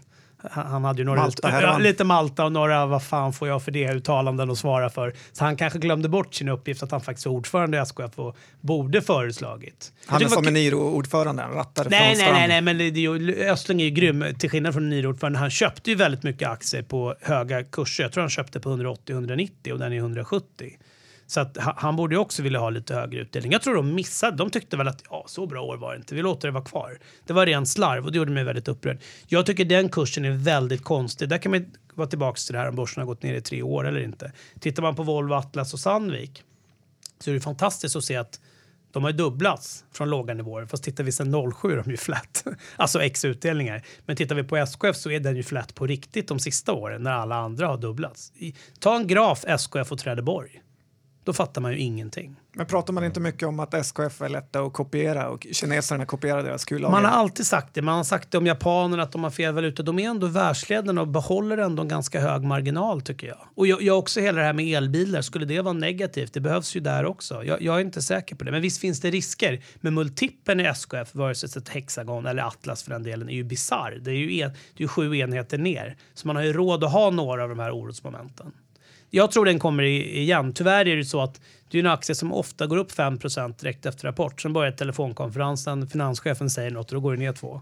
jag, jag lyssnade på den, den senaste konfan och då, då var de ju nästan förnärmade över frågorna kring, kring utdelningen och, och varför den var så låg och så vidare.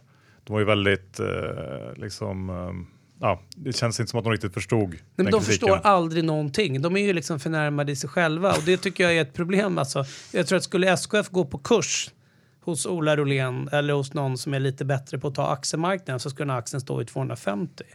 Jag ska faktiskt... Eh, jag, jag, jag, det är också sånt som jag brukade mejla. I början fick jag svar faktiskt. Nu får jag inte det längre. Det kan komma lite för många kanske. Du pratade mycket om eh, värderingar, att, att du inte vill köpa för högt. Eh, men Lifco är ju ett av de eh, absolut eh, dyraste eh, bolagen på börsen. Jag älskar ju Lifco, eh, måste jag säga. Eh, och den ser väldigt dyr ut. Men det gäller att också att man bryter ihop lite eh, hur Lifco ser ut egentligen. Apropå det här med olika delar och annat. Lifco är lite som Atlas Copco tycker jag. Den ser alltid för dyr ut men bolaget är fantastiskt. Tittar man på eh, bolaget så kan man säga så här att eh, dentaldelen är ju totalt ocyklisk och klarar sig genom allt. Det är liksom tandläkare som man säljer till i Sverige och Tyskland och så vidare. Eh, och eh, någonstans så eh, eh tror jag att den är lite felprissatt. Det finns amerikanska bolag som är noterade som handlas på 30 gånger vinsten. Så skulle man bara lyfta ut en tal skulle man få jättebra betalt. Sen har man de här Brock och andra business som är lite mer cykliska och svänger lite upp och ner med resultatet. Eh, och det gör att eh, lägger man ihop dem så har ju bolaget ett P tal en bit över 20. Eh, vilket gör att den, den, den, är dyr och den ser dyr ut. Men jag tror att dels så tror jag att dentaldelen är värd mycket mer. Sen tror jag att man har köpt flera andra delar som är ganska lågt värderade och som dessutom är ocykliska. Sen är ju grejen med Lifco. Jag äger inga Indutrade. Eh, jag äger inga Hexagon, jag äger inga sådana här förvärvsbolag. Men här är det en ledning som är fantastisk, som är nedlusade med aktier. Både vd, dentalchefen Pelle och eh, han som letar förvärv köpte aktier nu Eh, direkt efter Q4 på 315-320 kronor. Eh, Benett finns där. Eh, den ser dyr ut, men man får också inte glömma en sak. De har, de har ju råd att skuldsätta sig apropå balansräkningen tre gånger och de ligger under två på nätet, ebitda. Det ligger i prognoserna inga förvärv. Men kan de göra som historiskt, tio småförvärv per år eller två, tre stora? Med den, alltså, de har handlat en bit över 20, köper bolag eh, långt under 10 då har man liksom en enorm resa framför sig. Lite som Securitas och Assa Abloy i början på 2000-talet. Det kommer komma svackor även i Lifco. Men det här är ett bolag med en fantastisk ledning och ett fantastiskt bolag som gör att den kommer alltid se dyr ut. Men tittar man med facit i hand nu två år tillbaks, så det var ju en vinstexplosion ingen såg. Tittar jag, jag vill bara avslutningsvis säga, tittar jag på estimaten kommande år, ja den ser dyr ut. Men i dem ligger inte att bolaget kommer göra flera förvärv. Ja, vad synd om Bennet som eh, sålde ut eh, stor del där på 70 kronor. Det hade han behövt i sina getingar. Ja, men det, var ro, det var roliga var att jag hörde, apropå lite skvaller, att eh, det kan jag faktiskt berätta att de hade skojat lite och sagt att Lifco, det var ju bolaget Johan Malmqvist inte ville ha. Det låg ju faktiskt i Getinge och nu är det betydligt större än Getinge. Det tycker jag är roligt. Det påminner lite om ett bolag som en gång Electrolux struntade i. Det heter Autoliv idag och det är också ganska stort. Vi kanske får försöka knyta ihop säcken lite. Har du något avslutande eh, case som du känner att du vill prata om? Nej, men jag tycker lite så här grunden som jag sagt hela tiden. Jag tror vi kommer ha en aktiemarknad som kommer, det kommer vara svårt att skapa avkastning. Får man ett par procent per år i positiv avkastning ska man vara glad.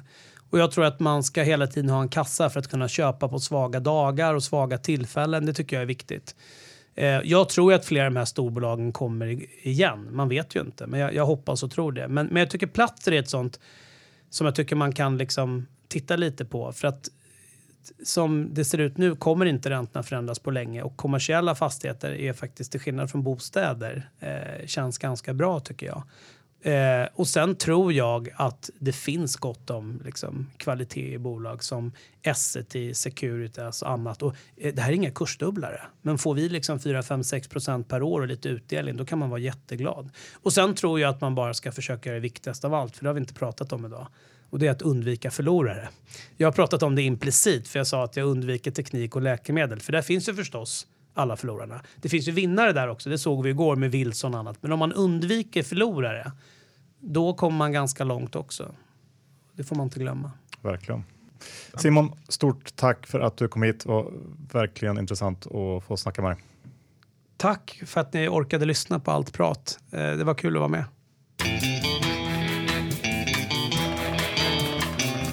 Tack för det Simon eh, Blecker. Stående ovationer får man säga. Ja, det här måste jag själv säga blev ett väldigt, väldigt intressant avsnitt. Eh, helt klart uppe där i toppen av de absolut bästa avsnitten Börspodden har gjort. Ja, verkligen. Ja. Tack Simon och tack IG som är vår huvudsponsor, IG Markets. Jag öppnar ett konto där, se alla fördelar. Du kommer inte bli besviken. Nej, precis. Och tack eh, Trine som ju också är vår sponsor. Eh, se till att läsa på om det här investeringsskyddet som ju är en rejäl förbättring och någonting som vi tycker är väldigt, väldigt bra. Ja, det är det. Och hjälp till att skaffa el till Afrika. Precis.